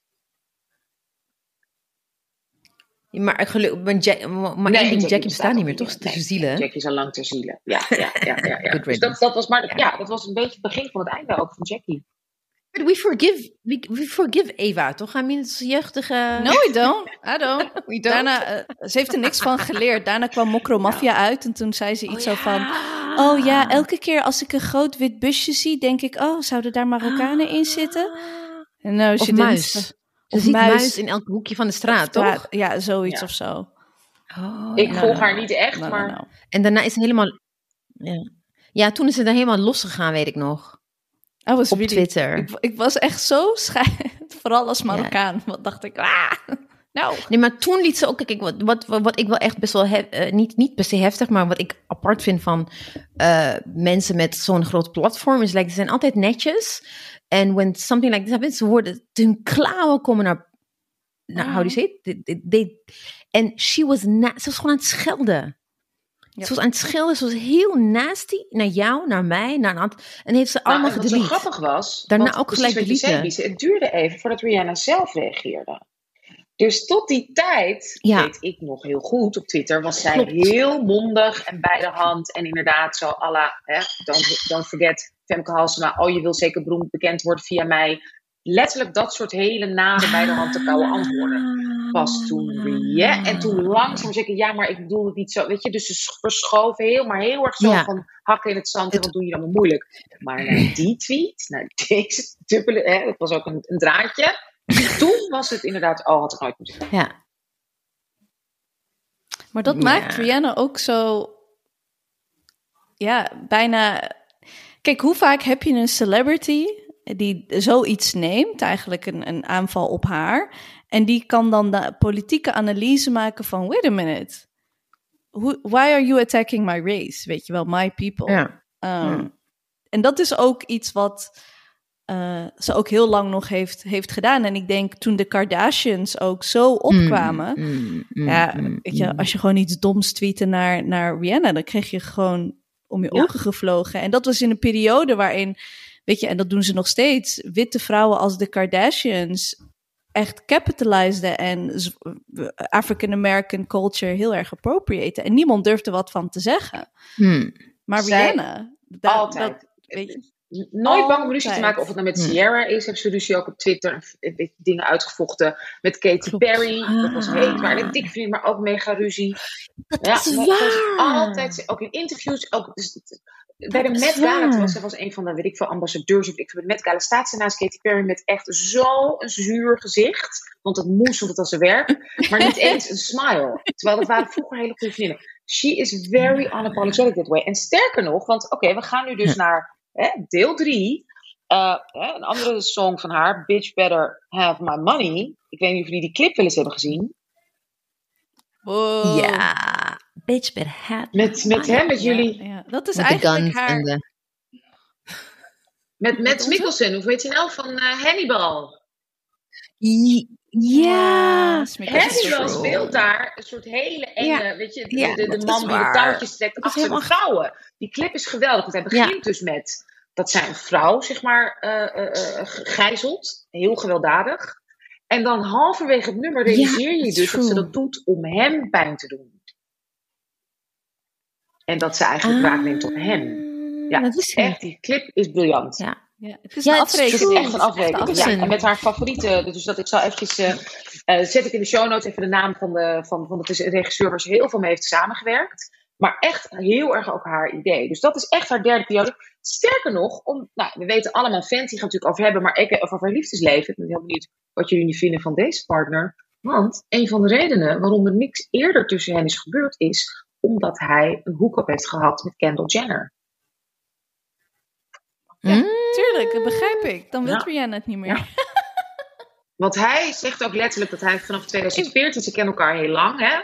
Vanaf 2014 heeft het al bij geprobeerd. En nou, toen was ze, zat ze nog middenin nog een beetje met, met Chris uh, Brown. Is dat, nou ja, hallo, we hebben nog niet eens over Drake gehad, Marjan. Maar hij zat toen eigenlijk... nou, we, Marjan? we hebben het hele Drake-drama Dus ook Drake, dat was echt, ja, dat was echt echt de analyses daarover. En I was invested, want ik was echt wel fan van Drake. Maar ik moest op een gegeven moment partij kiezen. En natuurlijk kies ik voor Rihanna. Want Rihanna heeft ons allemaal laten zien dat, dat it's okay to be a difficult black woman. Basically eigenlijk. Maar hoe... Zij kreeg een hele grote prijs. Volgens mij de, weet ik veel, Vanguard Award, noem je dat of zo? Ja, Vanguard Award. Een hele grote prijs. En wie gaat daar een beetje haar proberen te zoenen of aandacht te krijgen, wat dan ook, Drake. Dus ik denk dat, uh, ik denk dat qua type man dat Rihanna deed, dacht ze bij Drake, nee man, wat ga ik met deze Canadese man doen? Um, uh, but also, I mean, they, they made nice, they made nice music. Maar ik heb wel ja, idee, maar, was, maar at the end of the day was Drake weer another man die, die heel erg, weet je, heel sulky ging doen omdat Rihanna hem niet wilde uiteindelijk. En, hij was ook niet trouw. En dan heb je twee jaar. En hij was ook niet trouw. En dan heb je twee jaar of een jaar geleden of zo dat Chris Brown en Drake dan samen de liedje gaat opnemen. En iedereen dan zeggen, ja, eh, alle mannen vonden dat natuurlijk helemaal geweldig. Ze hebben toch met elkaar gevochten zelfs, Drake Ze hebben met elkaar Chris gevochten, Brown. maar nu hebben ze opeens een, een, een liedje of zo samen opgenomen een jaar geleden. Kijk, the thing about Chris Brown en Drake is, ze maken echt catchy music. Chris Brown is beter dan Drake. Ze maken zo. Wacht even hoor. Je ho, bijna niet. Dat zegt de vrouw die twee keer On the record. naar het concert van Drake is gegaan. Omdat hij op één van Ik ben... de opdagen. Dat zeg jij nu? Ja. Ja, ik wil eventjes voor de record, want shame, shame, shame. Ik ben twee keer naar een Drake-concert gegaan en ik heb maar één keer gezien. Shame, shame, shame, shame. Nee, nee, nee, shame, shame, shame, shame. Maar besef, ik ben twee keer gegaan. Ik heb hem maar één keer gezien. Ik zeggen. En nu zeg je dat Chris effing Brown beter is. Ja, muzikaal, dansen. Ik bedoel, uh, Chris Brown doet backflips on beat. Ja? Ja. Oké, dus ze zijn gewoon beter, maar allebei zijn het echt... En ook zingen. Wat zijn your problematic light skin man? Maar echt... Ja. Dus ASAP Rocky, ik weet niet wie ASAP Rocky is eigenlijk, totdat hij met Rihanna kreeg. Ik, het enige, ik, ik, ik ken ASAP Rocky because of Anusha's Children. Voor, voor, het, voor het eerst hoorde, ik een liedje van Rocky, omdat jij het aan het draaien was toen je nog in Nederland was. En dan like, who is this person? En jij gaat gewoon meerappen met de kinderen. Ik like, wauw, dat, dat is mijn eerste keer. En de tweede keer was toen wij in 2019, toen we naar Stockholm gingen. Hij zat vast. oh ja! Ja, we gingen hem redden. Ik dacht, weet je, wij deden ook stoute dingen. Ik dacht van, nou ja, als ik in de gevangenis kom, I'll, you know, I'll take the rap. Dan zit ik bij ASAP Rocky in de gevangenis. En wie weet, ik wil een vrouw van 20 jaar ouder. Dus jij, jij wist wie hij was. Maar like, yeah, whatever. We hebben toch ook een foto voor zo'n poster, Free ASAP Rocky. Ja, ASAP. Ook een pittige jeugd. Trouwens, Barbados ook. Komt uit Barbados. Zijn ouders zijn immigrants oh, from Barbados. Maar opgegroeid in NYC. Um, zijn vader kwam jong in de gevangenis terecht. Is overleden. Zijn broer is neergeschoten en zijn zus is overleden ook aan hmm. een overdosis. En zijn zus en hij zijn genoemd letterlijk naar Eric B. en Rakim. Zijn zus heet Erica en hij Rakim. Eric B. Oh. Rakim, ja. Oh. Waarschijnlijk voor je tekst misschien weet jij het nog een beetje. Ja. Thinking of a master Oké, Nee, ja. ik weet wie Eric, Eric en Ricky zijn. Dat is like the godfather of... uh, Daar zijn Hip-hop. hij, zijn zus Oh, en hij oké. naar genoemd. Met die hele bekende, weet je, jij kent het vast ook wel, Marjan. Of althans, met, met die hele bekende sample van een, volgens mij is het een eh zangeres uit Libanon. Een hele beroemde Ferouz Klopt. Zouzna, echt de Ja, grote ster van Arabische muziek. Ah, Ja. ja, waarschijnlijk. Nou ja, we zetten het in de show notes. Hmm, ik ben Maar- benieuwd. Kijk, de thing met A$AP Rocky, ik weet weinig over hem, maar ik ha het enige wat ik weet is, like, ik haal, ik haal hem, eh, Tra- Travis Scott en een van die mensen, die drie van Migos, eh, ja. Migos. Met die, met, met, wie is die man van eh, Offset. de- Offset. Nou, Offset? Die drie haal ik door elkaar met, met hun, die twee Ja, nou, en tentakels. Rihanna ook. Rihanna ook, want rumor has it dat ze ook wat heeft gehad met Travis Scott. En Klopt. dat mag niemand weten. Dat was is echt, waar. Voor haar Dat- was het dat een soort van, oh nee, dat was echt een soort haar shame, eh, haar shame vak. Nee, maar she, she, but she is joy, a bit... Kijk, dat is ook een van de andere dingen wat ik wel tof vond aan Rihanna. Was like, she was, her life was not very, uh, her, her, her- tenminste haar um, imago ging ze niet zo strak regisseren Oh, zoals, it's messy. She was messy. hoe- dat, wil ik, want dat wil ik jullie was- vragen. Hoe vinden jullie nou, hè, want we zijn nu, weet je, wat is nou, als je kijkt naar het verschil tussen haar en Beyoncé? Twee Mm. iconische lightskinned, beide, weet je, dus oké, ze zijn allebei Ja. lightskinned, ze zijn allebei mooier dan mooi, bla bla bla bla bla bla bla. Maar wat een verschil, want zij is een en al, waar Beyoncé, alles is gecureerd, weet je, afgeschermd ja, dit doe ik niet, dit doe ik wel. Niemand weet of ze überhaupt echt zwanger was of niet. Weet je wel, bij wijze van spreken. En dat tegenover, I don't want to shame anyone, weet je, ze moet, iedereen moet doen wat hij wil met zijn eigen lichaam en met zijn zwangerschap, niemand te weten. Maar gewoon interessant vind ik het verschil. ja, absoluut. Ja. Ik, ik, vind, ik, vind ik, ik heb altijd, da- daarom dus, ik vond, ik was meer verliefd geworden op de Rihanna, de personality, en dan de Mm. artiest. Because she was very, she put herself out there. Eh, ook, er was dus met Unapologetic, toen, ik weet nog, toen ik echt verliefd, de, when Apologetic uitkwam, heeft ze een, within seven days, seven cities, seven tours gedaan. Een vliegtuig gecharterd met 177 ehm, journalisten. It was one hot mess. Die journalisten werden gegijzeld in de vliegtuig. Ze mochten niet naar buiten. Er was alleen maar water en crackers. En er was drugs en candy. En, en, en eh, tweets kwamen eruit. Het was gewoon één grote chaos. En toen moest ik alleen maar lachen. Ik dacht van, ik, vind, ik vond haar toen echt, Ja. echt kick-ass. Ja. She couldn't care less. Ze zat met be- bekende journalisten van echt... eh, kunstjournalisten van The New York Times, The Atlantic. Ze heeft zoiets van, oké, jullie gaan mee. En then she just ignored them. Ze kwam te laat naar concerten. She just did whatever the fuck she wanted. En dat is ook, ze was ook gewoon vrij, weg, weg van al dat. So she just, ze is gewoon compleet losgegaan. En ook, wat ik ook altijd tof vond, is when she went to Barbados, ze deed, ze deed altijd mee met de carnaval. Ze ging gewoon mee met, Oh, met het hele stoet mee. She was never afgeschermd voor. En dus in die zin vind ik haar interessanter en in die zin ook tussen aanhalingstekens bereikbaarder dan Beyoncé. Beyoncé is gewoon. She, she, she, she's busy with mythmaking. Ja. Dus Ja. wie, wie is echt, zelfs de echte Beyoncé, haar diary is ook geregisseerd. Ik vind dat, ik vind dat gewoon niet interessant. Ik vind dat daardoor ik gewoon denk minder als we, hè, interessant. als we gewoon, waar, waar we het net over hebben, in wat, wat wij zo inspirerend vinden aan Rihanna. En ja, luisteraar, we zijn alle drie ontzettend verliefd op haar. Is dat ze eigenlijk, voor mij heeft ze een beetje, la- ik denk dat, dat ze heel veel, voornamelijk zwarte vrouwen heeft laten zien. Je mag moeilijk zijn, je mag messy zijn. But at the same time, you can be talented, you can be a businesswoman. Weet je, in plaats van als je dan, een, als je dan iets gaat, al- als je dan excelleert, dan moet het perfect zijn. Eh, snap je? En dat is het grootste verschil dat ik vind met Beyoncé. Ik kan ontzettend genieten van Beyoncé en denken van holy shit, wat een gedisciplineerde vrouw. But also, weet je, net als met Coachella, dat ze het dan heeft over van ik heb honger, ik ben moe, ik wil mijn kinderen zien. Dat ik echt denk, but why? Go home. ga naar Ja. je babies. Like just for, we get it, but ga, weet je, en ik denk...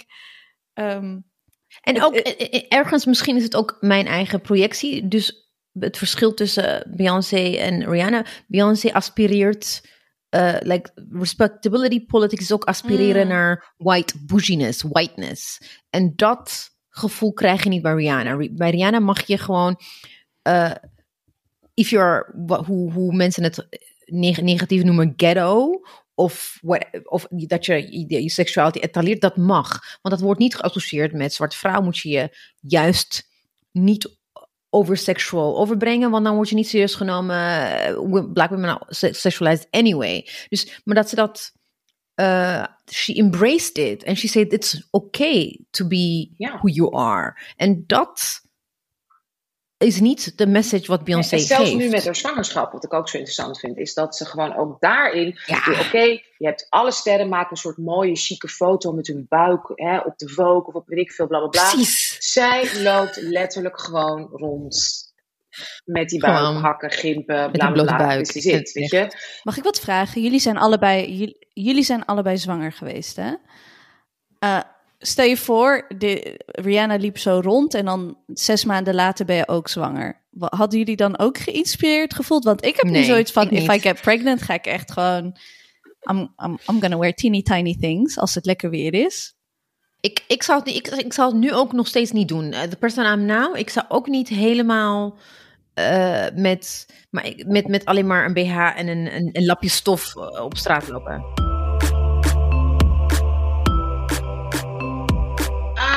Oké, dus wat. Even gewoon, ja, wat een belangrijke fase in haar leven is na al die albums en alles, hè, wat ik net zei, is ze dus ook nog eens gaan ondernemen. Want inderdaad, nou ja, wat ik al zei, de touring life, de record life, andere mensen verdienen zoveel geld aan jou. Uh, dus ze was zeker miljonair, ze had iets van 40 miljoen. Maar nu is ze ondertussen, sinds 2017, is ze biljonair. En ze is na Oprah de rijkste vrouw gewoon in Amerika. En, En niet Beyoncé. Niet Beyoncé, nee. Beyoncé is eh, volgens mij ook biljonair, maar net, bedoel, we hebben het over, die heeft 1 biljoen.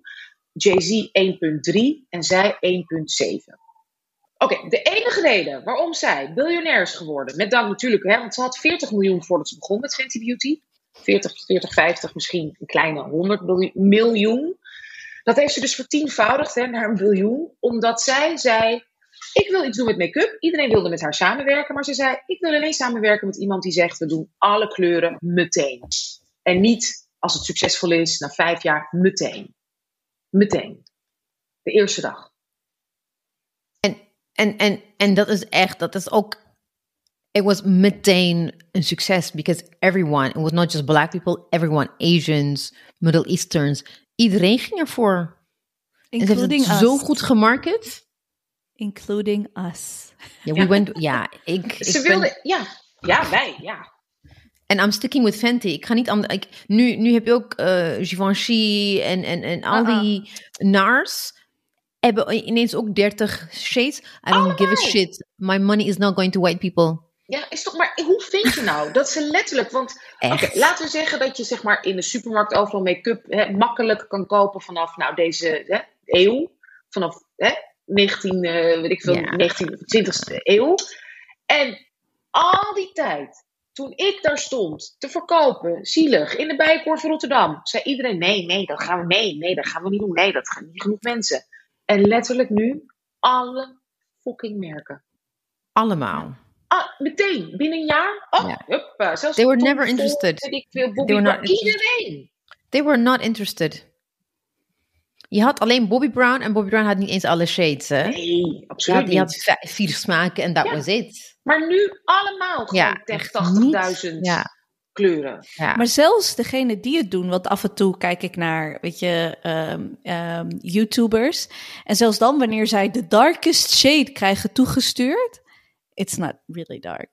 No, Nee. and it's same with. Ik heb uh, dus mijn Fenty Matchstick, Suede en uh, Coco, die is eindelijk op. Oh ja, Uh, lang mee, ja. En Ze gaan Because of super lang mee. ja, because of COVID kon ik niet reizen, dus ik kon het, ik kon die één shade gewoon niet meer kopen. Je kan, it's, it's Coco is out of uh, discontinued, en ik wist niet wat mijn andere, dus ik, ik moest gewoon proberen. Maar anyway, dus ik had Bobby Brown geprobeerd, dus gewoon duurder dan een Matchstick. Dat is texture is heel anders en very oily. Dus ik heb gewoon 40 euro ge- gespendeerd aan een stick die ik gewoon niet ga gebruiken. Maar nu ben ik achtergekomen dat mokka eigenlijk vervanging kan zijn van eh coco. Dus ik heb gewoon weer Fenty besteld en ik ga gewoon 40 euro weggooien, want ik ga niet gebruiken. Het is gewoon niet goed. Dat is niet goed. En, en ik, ga, ik kan hier dus wel natuurlijk in New York. Ik ga gewoon naar Sephora. Wat ze dan doen is, ze doen dit op mijn gezicht met een soort telefoon of ik weet niet, soort dingetje. En dan zien ze, oké, inderdaad, yellow ondertoon. da, da, da, da, da. Alsjeblieft, dit is hem. En dan Ja. krijg ik hem en dan doe ik hem op. En ah, ja, Ja. dat is hem. En Zoveel Eh, kleuren heeft ze ook. Ondertonen zijn verschillend, ja. hè? Dus je Ja, hebt ja. gele ondertoon, rode Precies. ondertoon, roze ondertoon. ja, je hebt, je hebt en dan heb je met eh warm Ja, precies. en, en, en weet je, de, nou, Ja. ik, ik Ja. echt, it's, it's, it's, Briljant. En, en het feit dat Huda, je hebt Huda, eh, Huda Beauty, Cosmetics ja. en ook nog een aantal, maar ja, ik weet niet. Ik, ik blijf gewoon, ik blijf eh, Rihanna trouw hoor. Ja, Ik en was- prijs-kwaliteit klopt dit helemaal. Sorry, Ja. Marjan. Oh, nou, ik, ik was helemaal niet echt geïnteresseerd in make-up totdat ik echt met, met jullie Ja. ging werken en bij zussen werden en dat soort dingen. Maar ik heb echt schandaal. Ik heb nu gewoon zes matchsticks. Dat zelfs mijn vriend, wanneer hij, waar was hij? Volgens mij. Je in- verloofde. Oh, mijn verloofde. Oeps, ik moet verloofde zeggen. Eh, dat hij in de UK. wedding. Yay! Eh, dat hij in de UK was en dacht, wat zal ik meenemen? Zie je Fenty stick? Ja. Ja. Het is geweldig. Het is echt, ik heb nog nooit make-up heel erg leuk gevonden, maar nu is het leuk. Maar je weet ook gewoon, ik, er is gewoon een keertje gewoon aandacht. Is gewoon aandacht en zijn huidskleuren serieus genomen. Zo simpel. Terwijl zij, omdat, zelfs die lippenstiften, die zijn dus gewoon, ehm, eh, die, die, die- deze haal je eruit, dit ding. Dus dit koop je één keer, dit, dit dure, is heel mooi, Ja. de omhulsel. Maar die bullet, zeg maar de stift zelf, haal je eruit en doe je een andere in. Dan kan je ook wisselen. Dus dan kan je die bewaren en dan, hup, als ik hem dan meeneem, dan hoef ik niet twee van die dure dingen te kopen. Dus ze is, het is zo slim, zo briljant. En puur omdat zij zelf, haar hele familie heeft natuurlijk alle kleuren van de. Ja. Weet je, alle kleuren, bruin, zwart, En ook, beige. en ook het feit dat ze ook, dat, dat ze heel, zoals met eh, Savage Fenty, dus haar lingerielijn, eh en, en ook haar eh, make-up lijn, ze wil het ook gewoon toegankelijk maken en houden. Het was Ja. belangrijk voor haar dat mensen het kunnen. Dus nu kan je het ook in, niet alleen, eerst was het Sephora een x aantal, be- beperkt aantal, maar nu kan je het ook bij Alta. Het is gewoon een soort Ja. e- ethos van Amerika. Kan je ook Ja. gewoon Fenty kopen. In de UK Boots. Ja, En de UK Boots. En Maar- ze komt nu uiteindelijk, dat is wel haar grote droom, in Afrikaanse landen. Ja, maar een, normaal, een, een abnormaal land als Nederland kunnen we nog steeds geen Fenty krijgen. Nee, maar ze houdt niet zo van Nederland. Of misschien Dankjewel, het- Eva Hoeken. Oh Dit- shit, ja. is dat daarom? Dit is, Is, het misschien... I think it's her revenge. Dankjewel, Eva. Dankjewel. Thank you, Je wordt bedankt, Dit is Eva. al jaren geleden. Nee, door jou hebben wij geen. We're living the consequences. En, Ze denkt, She En holds grudges. Girlfriend holds grudges. Zij is echt, zij vergeet niks. maar wat we, wat we vergeten, één ding wat we vergeten waren, wat, wat, ik, wat ik wel echt, de, de, I mean, the sweetest revenge vind ik ook erg. En niet per se revenge, maar eh, is, is dat dat Atlanta, season 3, episode 2, Sinterklaas is coming to town. Eh, die series. Dus Eva Hoekes gedoe is ook gewoon, het is vereeuwigd. Nee. Dus, En je dat niet? Ja. Nee, nee, ik kijk niet naar Atlanta. Nee, oh my god. Nee. I mean, it's shitty. Dus Atlanta season 3, they're doing. Uh, Paperboy is doing European tour. Dus ze komen ook in Amsterdam. En het is, heel, het is echt slecht. Zo cliché. Um, black Americans doen. Ja, Black Americans doen witte Amerikanen nou wanneer ze in Europa zijn. Ze doen van die rare cliché shit. Anyway, they can't help themselves. It's, they're Americans. Maar dus de titel van de episode heet Sinterklaas uh, is coming to town. En dus ja, inderdaad, de whole, een surrealistisch iets met Zwarte Piet. En de Rihanna-incident wordt nagedaan. Eh, tenminste, het features dus ons export, waar we ons voor Oh, schamen. Oh, wow. Ja. En dus daarom hebben wij geen panty in Nederland. Maar wel binnenkort is in, allerlei, in heel veel Afrikaanse landen. Ja, Ook zakelijk, wat ze ook geweldig heeft gedaan. toen ze in zee ging met dat LHVM, weet ik veel, dat dure, weet ik veel, Louis Vuitton, bla bla merk, ehm, had ze eerst een kleiner percentage. Maar zodra ze het kon betalen, is ze naar 50% gegaan. Ze heeft meteen Ja. geïnvesteerd in I Want to Be Part Owner, 50%. En een jaar daarna kwam dus Fenty, eh, Savage Fenty uit. Ook dat is toegankelijk en ook meteen ook inclusief qua allerlei lichamen, alle huidskleuren, alle type vrouwen. En dat was het einde gewoon, dat was de laatste nagel en doodskist van Victoria's Secret. Lekker Want-. Over Ja. haar, vergeet niet dat haar, een van haar beste vriendinnen is een, is een model. Die toen werd ontslagen door een show ooit bij. Of hè, hadden ze haar toch niet gebruikt voor die vreselijke eh, Victoria's Secret show. En toen wel Kendall Jenner. Oeh, En girlfriend holds a volgens mij grudge. dacht ze toen. Oh, wacht maar. Tot ik mijn eigen. lijn. This is the best revenge. Succes. Ja. Kijk, Beyoncé zingt erover, Rihanna doet het. Ze doet het. Ja. Ze doet het gewoon. Ik bedoel, dus, Ja. ze is dus, dus kan je nagaan. Ze heeft, ik weet niet hoeveel mannen, mensen, mannen vooral rijk gemaakt. ge- eh, na 2016 ook nog eens inderdaad haar mooiste album eigenlijk. Hè, met, met een liedje dat ook is gecoverd door Tame Impala. Wat ik echt, dat is echt mijn favoriete nummer. eh, Brand New Person.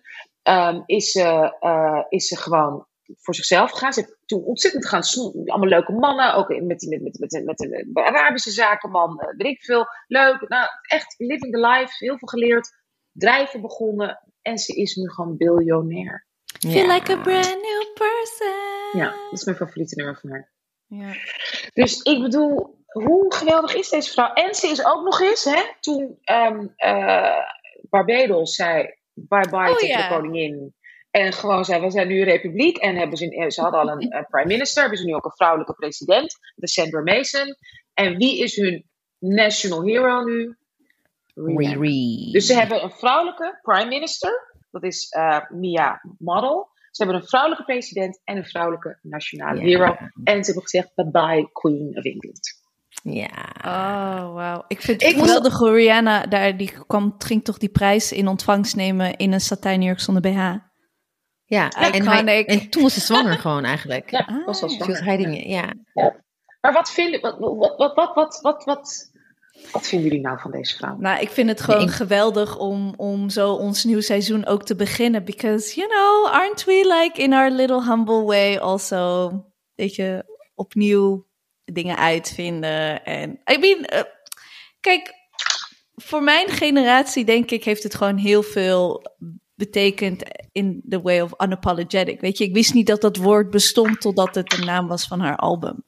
En ik denk dat dat in ieder geval voor mij dat ik echt dacht van, oh wait a minute, I will shake my ass. Yes, thank you very much, weet je. Ik kan me herinneren de eerste keer dat ik Pour It Up, kennen jullie die clip? Pour It Up, Pour It Up. Mm. Die clip is zo sexy. En she just kills it. Helemaal natuurlijk, helemaal... Nou, natuurlijk in the way of, je weet gewoon dat dit de manier is waarop zij beweegt, snap je? Precies, het is niet, in- het is niet ingestudeerd, het is niet gechoreografeerd. Vast wel, Dit is vast wel een deel, weet je. Ik wil best Natuurlijk, wel, weet ja, je, vast ja. wel. Maar, ehm, ja. Mannenkeuze, Ja, hmm, but otherwise... Maar ja, en ze werkt met haar de mensen waar ze ook mee werkt. Nogmaals, ze reist de hele wereld altijd rond. Heeft ze altijd zelf voor betaald om met de beste mensen te werken. Ook de, de, de huidige partner van Mariah Carey, Brian Tanaka, was ook haar choreograaf. Is een van de beste, bekendste. Oh, haar, haar, haar Ah. boytoy is... eh Ja? ah. Nou, dat is echt, ik bedoel, zo erg, we noemen hem Boyto, maar die man heeft echt een mega carrière. Weet ik, maar er is toch een- best wel een, een leeftijdsverschil tussen die twee. 15 jaar jonger, is 15 Ja. jaar dan Mariah of 10. Ja. Ja. Nee, vijf- dik 15 jaar. Maar dat, die heeft ook altijd met Rihanna, bedoel, ze, ze Ja. echt altijd heel slim. Dus inderdaad, hup, ik ga naar Zweden om een nummer op te nemen, want ik vind die en die producers. Nou, dan gaan we met die, die. Dat is ook wel, er is ook natuurlijk ook eh, Jay-Z, die haar heel erg vrij daarin liet. Hoe Ja. erg is dat, weet je wel? Ja. Ehm, maar dat is ook, dat is zij zelf. En het was haar idee om, toen ze begon, dus inderdaad zo schattig met de spijkerbroek en een beetje leuk met gestraight haar en cute. Zij was degene die zei, ik wil mijn haar knippen, ik wil er anders Ja. uitzien, dit is wie ik ben. Altijd heeft ze dat Ja. gepush, push, push, push, push. Altijd. Yeah, and that's that's kijk, that that's also I think what makes her interesting. I think to also for a lot of black people, uh, black women in general, omdat ze veel meer niet gekunsteld is. En, en, en omdat ze niet gekunsteld is, heeft ze misschien niet dat, dat megaster statu- status wat Beyoncé heeft eh, of Lady Gaga. Maar she's versatile en and interesting in that sense. Want ehm, wat, het, het, feit dat ze alles wat ze bereikt heeft, heeft ze uiteindelijk in haar eentje gedaan. En she didn't have to sell this picture perfect Hm. uh, black love family uh, king and queen bleh. Royalty. Royalty. De royalty. Ja. Heeft ze allemaal niet. Dat, hoeft ze, dat kan ook. Dus je kan, you, you, can, you can aspire to just be yourself and not aspire to be something onhaalbaar. Ik zeg, geeft je bijna het gevoel dat kapitalisme kan werken, toch? Dat, dat vind ik zo heftig. Dat, dat je bijna denkt van, oh my god, it works. Want ze is, wat ik ook zo bizar, ze ga ik jullie ook zo doorsturen. Ehm, ze, toen haar merk dus uitkwam en vlak voor Savage Beauty, weet je dat ze echt, ik ben nu entrepreneur, ik ga nu naar 50% ownership, bla bla bla bla bla bla bla. Ging ze gewoon in een soort late night talkshow, niet eens de late night talkshow van Seth Meyers, een comedian, ging ze bij hem, dat is, een heel, dat is gewoon een heel kort stukje wat hij altijd doet. Het is niet eens, ze was niet eens de Hmm. hoofdgast, dan gaat hij day drinking with. En met zijn Ah, moeder, Oh ja, ja, die Ja, met zijn beste vriend, met weet ik veel, met effing Rihanna. Nou, Die dan net Fenty, en die gaat hem opmaken met haar Fenty spullen, ladderzat, Klopt, na zes ja. shots. dat was En zo lachen leuk. met hem. En zit ze daar. Dat, die was, ik bedoel, Rihanna zit daar gewoon. Het is een late night talkshow. Nogmaals, niet prime time. Ja. Ze is niet eens de hoofdgast. En ze, want dat vond ze gewoon lachen, vond ze leuk Ja. om te doen. Dus ze zei van, ja, ik doe alleen maar dingen die ik leuk vind. Ja. Geweldig. Ja. Still capitalism is bad. Still capitalism is bad, maar... And no one should be billionaire. No, but that's the thing. Kijk, no one should be billionaire, maar if we're spending, we, we leven nu eenmaal, en ik heb what- what- I, I would rather spend money on Fenty dan misschien die ene Marcy, Chloe Marcy, als die ik niet heb gekocht. En, en Telfar Clemens, ik kan tell. Ja, jij vindt het niet zo mooi. Maar die grijze dan, haal die grijze. Die is Die. Maar, omdat, ja. Maar, wat vind, maar de man, de man, wat vind ik... Want ik, Mm. ja. ik moet eerlijk zeggen, ik hou mijn hart vast. Ik bedoel, ik zat niet bij me in de gevangenis in Zweden, had gekund. echt gekund. We saved you from Wat the jaws of. Oh, We're We not moeten wachten tot dat verjaard is, voordat we dat... eh, ja, Ja, we nee. gaan niet, we're not gonna confess. Hypothetisch had ik misschien dingen gedaan die niet helemaal oké waren. En we, Maar- accessories. Ja, maar wat vinden jullie daar nou van? Ik weet je. Het, het, ik vond het heel leuk om, om, ze, om haar verliefd te zien, zo openlijk verliefd. Want hiervoor was ze. It was, it was always this drama on again, off again. Drake, Drake, Drake, Drake, Drake. Ik, ik mocht hem niet, dus ik had echt van: kijk, ik, ik ga niet bemoeien. Maar when. And then she was dating that. Uh, Sa- Saudi zakenman voor drie jaar. Toen was ze. She was very. Uh, ze, ze waren very private. Ja, Dus zijn moeder. Zijn moeder maakt hem af. Hallo. Maar die heeft haar wel geholpen met het bedrijf, hè? Ja, hij is een knappe man ook. En hij is heel knap. Hij is een heel Die foto in, in, op, in een zwembad of in een jacuzzi. Ja. En, um, but it was, it's nice to see her in love. En hij is ook helemaal into her. Maar ja, weet je. Ik denk dat zij de type man date. Eh, Die, waarvan, volgens mij is ASAP Rocky de type man who is so real, weet je wel? En zij is ook real. Ja, Ehm, maar dan ga je ook real drama krijgen, denk ik. ja. Want Ja. ja. Ja, ga door. Lies. Ja, dus inderdaad dat ze dan niet... Ze gaat niet voor picture perfect. Nee, wat, maar wat ik bij hem... En ze wil gewoon een kind en eh, ze hebben een kind samen. En het kan zijn dat het inderdaad. Het kan ook zijn dat ze in- uit elkaar gaan. Als ze uit elkaar gaan, heeft ze gewoon een kind. En ze heeft. het- she, I think she, ze heeft daar gewoon vrede mee. Ja, ze heeft ook echt gezegd van... eh, pff, ik zie wel, weet je wel. Ik wil Ja. ben gewoon klaar voor kinderen. Ik ben 33. Ja, Ja. graag met hem. En eh, we zien wel. En daarom nou ja, wil ik dus eigenlijk afsluiten met wat voor mij ook haar levensles is. En waar ik eigenlijk ook mee begon. Mijn quote van deze week. En die heeft zij letterlijk niet alleen getatoeëerd dat hij gewoon voor andere mensen te lezen is. Maar ze heeft hem ook hier, volgens mij echt op de, hier op de, weet je wel, hoe heet het nou? Botje? Sleutelbeen? Een sleutelbeen heeft ze hem, eh, of in ieder geval ergens waar, hem altijd, waar ze hem altijd kon zien, heeft ze hem in, ook in spiegelbeeld heeft ze hem geschreven. Zodat als ze in de spiegel kijkt, kan ze dat altijd lezen. En dat is dus Oh. inderdaad, never a failure, always a lesson. Ja. Ze heeft ze gewoon twee keer, heeft ze, heeft ze die tattoo. Want dat is haar levensmotto. Hm. That's a good one. Definitely a good one.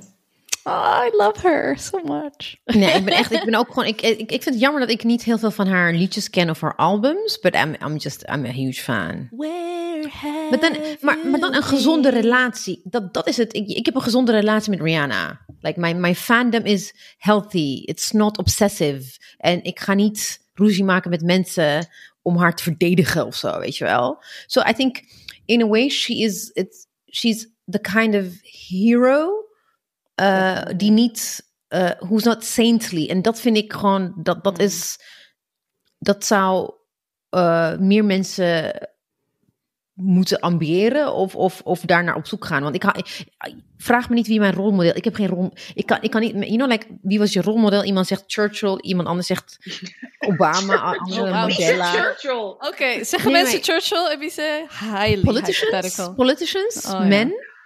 Oh, Ja. oké. En, dan en lees ik een biografie van Churchill heb ik gelezen. Het is een ding hoor.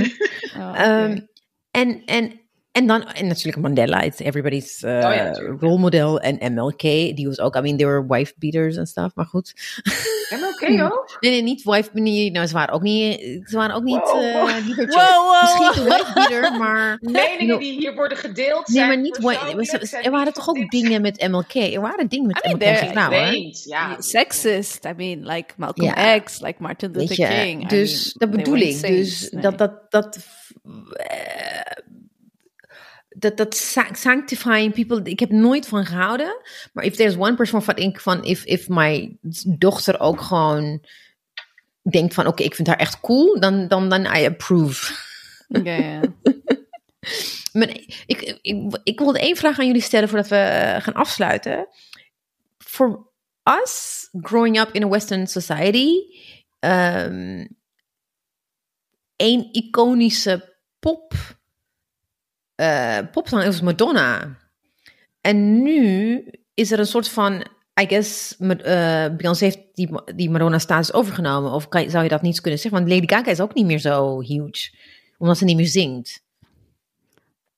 Maar, maar if you Volgens look at it niet. outside... I think, I think that is us. I think that is especially black women. ja? Want als je kijkt naar hoe, hoe mediocre, weet je, de muziek van Adele en Taylor Swift Klopt. en de prijzen en de, en de geld is dat, waar, zij binnen. Ja. I think we under, I think, hoe zeg je dat? Ja. Ik denk dat wij heel fijn in onze mooie bubbel zitten en daarom hebben we het over Ja. Rihanna en daarom we appreciate her. Uh, maar ik denk dat we niet moeten vergeten dat hoeveel, hoe, hoe gemakkelijk, ja, laat ik zo, hoe gemakkelijk ehm, dat soort mensen als een Adele, als een Taylor Swift, als een, en dan is Selena Gomez nog een Latina, ehm, hoe zij zo gemakkelijk, zeg maar, door, daardoor navigeren en zo worden en de Grammys binnenharken. Mm. Zo'n Taylor Swift, weet je wel. En hun, hun luistercijfers, denk ik dat we echt. Klopt, dat is waar. ehm, Ja. Klopt. Rihanna heeft wel eens verloren van, eh, ik weet niet, een van de video awards, ik weet niet meer welke award, van Fergie. Ja, Oh ja. precies. En Beyoncé, van, en Beyoncé van Taylor Swift en weer van Adele. Dus volgens mij valt het Ja. helaas. She got us though. Yes. Even Beyoncé got us. Even Be- Ish. Ja. Ish. Ish. Ja. nou ja, en ik, ik hoop nog snel op een, eh, weet je, icoon gewoon. Nou, daarom ben ik ook zo, hou ik zo ontzettend van Viola Davis. Ik ben, waar, weet je, en ik was, ik ben, kijk, mijn icoon, als je zegt mijn idool vroeger, ja, was wel Grace Jones, weet je. Ik, ik, Ja. ja. maar- I miss a li- voor mij, ik, ik zou het heel gezond vinden, meer ook, weet je, darker skinned women. Dat- en, en, en dus echt meer variëteit. Want dat, dat is het enige van ik denk van, ja, natuurlijk, als je naar Rihanna kijkt met die groene ogen Ja. en quote-unquote makkelijk haar, quote-unquote, weet je wel, perfect. En ook iedereen die Puur na alles. haar komt, eh hoe heet ze, Doja Cat, eh, Cardi B en nog al die andere zeker. zangeressen zijn allemaal light-skinned. We hebben Lizzo, allemaal. we hebben Lizzo. Ja. Ja. Oh, Ik over inderdaad even actualiteit. Wat vinden jullie nou inderdaad ook weer de ophef dat zij een... eh, dat zij lekker met eh, slanke lijnen, of in ieder geval met van het corrigerend ondergoed is gekomen. Dat daar Oh ook weer... ja, Lizzo. Ja. Dat was We- weer we- die, we- die, die, die andere niet. Die, Cecile Darnix, onze andere vriendin. Die dacht, oh, ik- ja, nu kan ik even edgy eh, Lizzo gaan cancelen, want we moeten toch allemaal lekker trots zijn op ons lichaam. Girl. Wat ik heel tof vond, is dus Volkskrant heeft dat dan op Instagram geplaatst. Instagram is niet de plaats waar mensen negatieve reacties... Nou, onder die Instagram uh, post alleen. Maar ze gingen helemaal los. Ja. Maar ik denk dat ze het ook gewoon doet omdat ze niks te doen is. Omdat ze ongeïnspireerd is. Het was echt Ja. ja. Maar goed, dat was Lizzo. weird. Ja, dat was heel weird. Ja, kind of. Ja. Ja, het is wel, het is wel sad hoe lang het duurt voordat een Jasmine Sullivan en Ari Lennox echt doorbreken. In, eh, ik bedoel, je kan heel veel dingen vinden van Summer Walker. Maar ja, Summer Walker is ook wel zo'n... Dat zijn wel, het zijn wel artiesten die niet groot hadden kunnen worden. Of misschien wel, misschien niet. Ik weet het niet. Ik denk dat Rihanna wel een rol heeft in gespeeld in, zeg maar, die deur open eh, trappen van dat je een beetje een bepaalde genre muziek als zwarte vrouw kan, kan maken en je eigen teksten daarin kan verwerken en het hebben over die instukken en, en he slid in my DM and I didn't text him back en snap je die, dat Ja. Ik denk wel dat het nog steeds, eh, it's a billion dollar, multi, multi-billion dollar. Dus de, voordat echt zwarte vrouwen dezelfde iconische, daar moet misschien nog twintig jaar. Ik, ben daar ja, heel precies, they're icons in. for us. Kijk, ik ken echt al heel Ja. veel jongeren die, eh, weet je, dat, dat we alleen maar naar Summer Walker luisteren, alleen maar Ari Lennox, Hmm. Jasmine Sullivan, snap je? Hmm. Maar ik denk niet dat zij zo. Het duurde zo lang voordat Jasmine Sullivan eindelijk een freaking Grammy kreeg. Hmm. Terwijl, weet je, ook zoiets van hè, Grammy of the Year heeft Beyoncé niet gekregen, Adele, maar Adele. Dan, dat is gewoon een ex- echt, echt een example of hoe gemakkelijk je nog steeds als wit artiest het zo makkelijk wint. Ja, Ja. dat blijft wel. En dan nog, en dan ben je zwart artiest, zoals inderdaad à Rihanna of ander. Maar dan moet je er wel nog steeds op een hele, hele commercieel, commerciële manier uitzien. Dus nee, Ja. we, we zijn er absoluut niet, weet je, capitalism still sucks, dat is duidelijk. Ja. Ja. Maar als we dan geld uitgeven, dan, eh ja, dan is dat eh, Fenty Beauty. dan Fenty Beauty. It was Ja, not sponsored, mensen. Het is gewoon Nee, oh. allemaal... We wish. Nee. We zouden het Ja. gratis doen. Ja, ze, ze, bedoel, ze doet het. Dus we gaan het wel gewoon proberen, want she, she, she endorses uh, people. Ooit, dus ooit gaat ze naar ons luisteren. ooit gaat luisteren. Come back to the Netherlands, we'll help you. We'll protect you. We'll cancel everyone for you. Nou, lieve mensen, dit was, dit was Dipsaus Nieuwe Stijl. Ehm, Laat ons weten wat jullie ervan vinden. Slide in but our also, but also like, we zullen het niet altijd serieus nemen, depending on who you are. But yeah, send us a message anyway. Yeah, sure. en give us a break, want we zijn het ook allemaal aan het proberen. En we, we, we doen, we- ja, nou, we- we, we zijn aan het, eh, we, gaan, we gaan dit gewoon doen. En, Kijk, ik ga vast ja. zeggen, Ja, dan- bespaar dan, de dan, dan ga je comments, toch niet luisteren. Bespaar Nee, de kan comments met waarom, ik weet niet waar het over gaat. Ja, Eh, echt. Ik, en ik ben daar... als we door elkaar praten, dan het hoort. Want wij verstaan elkaar wel gewoon. En we lachen. En als je niet begrijpt waar het over gaat. Tho- those comments.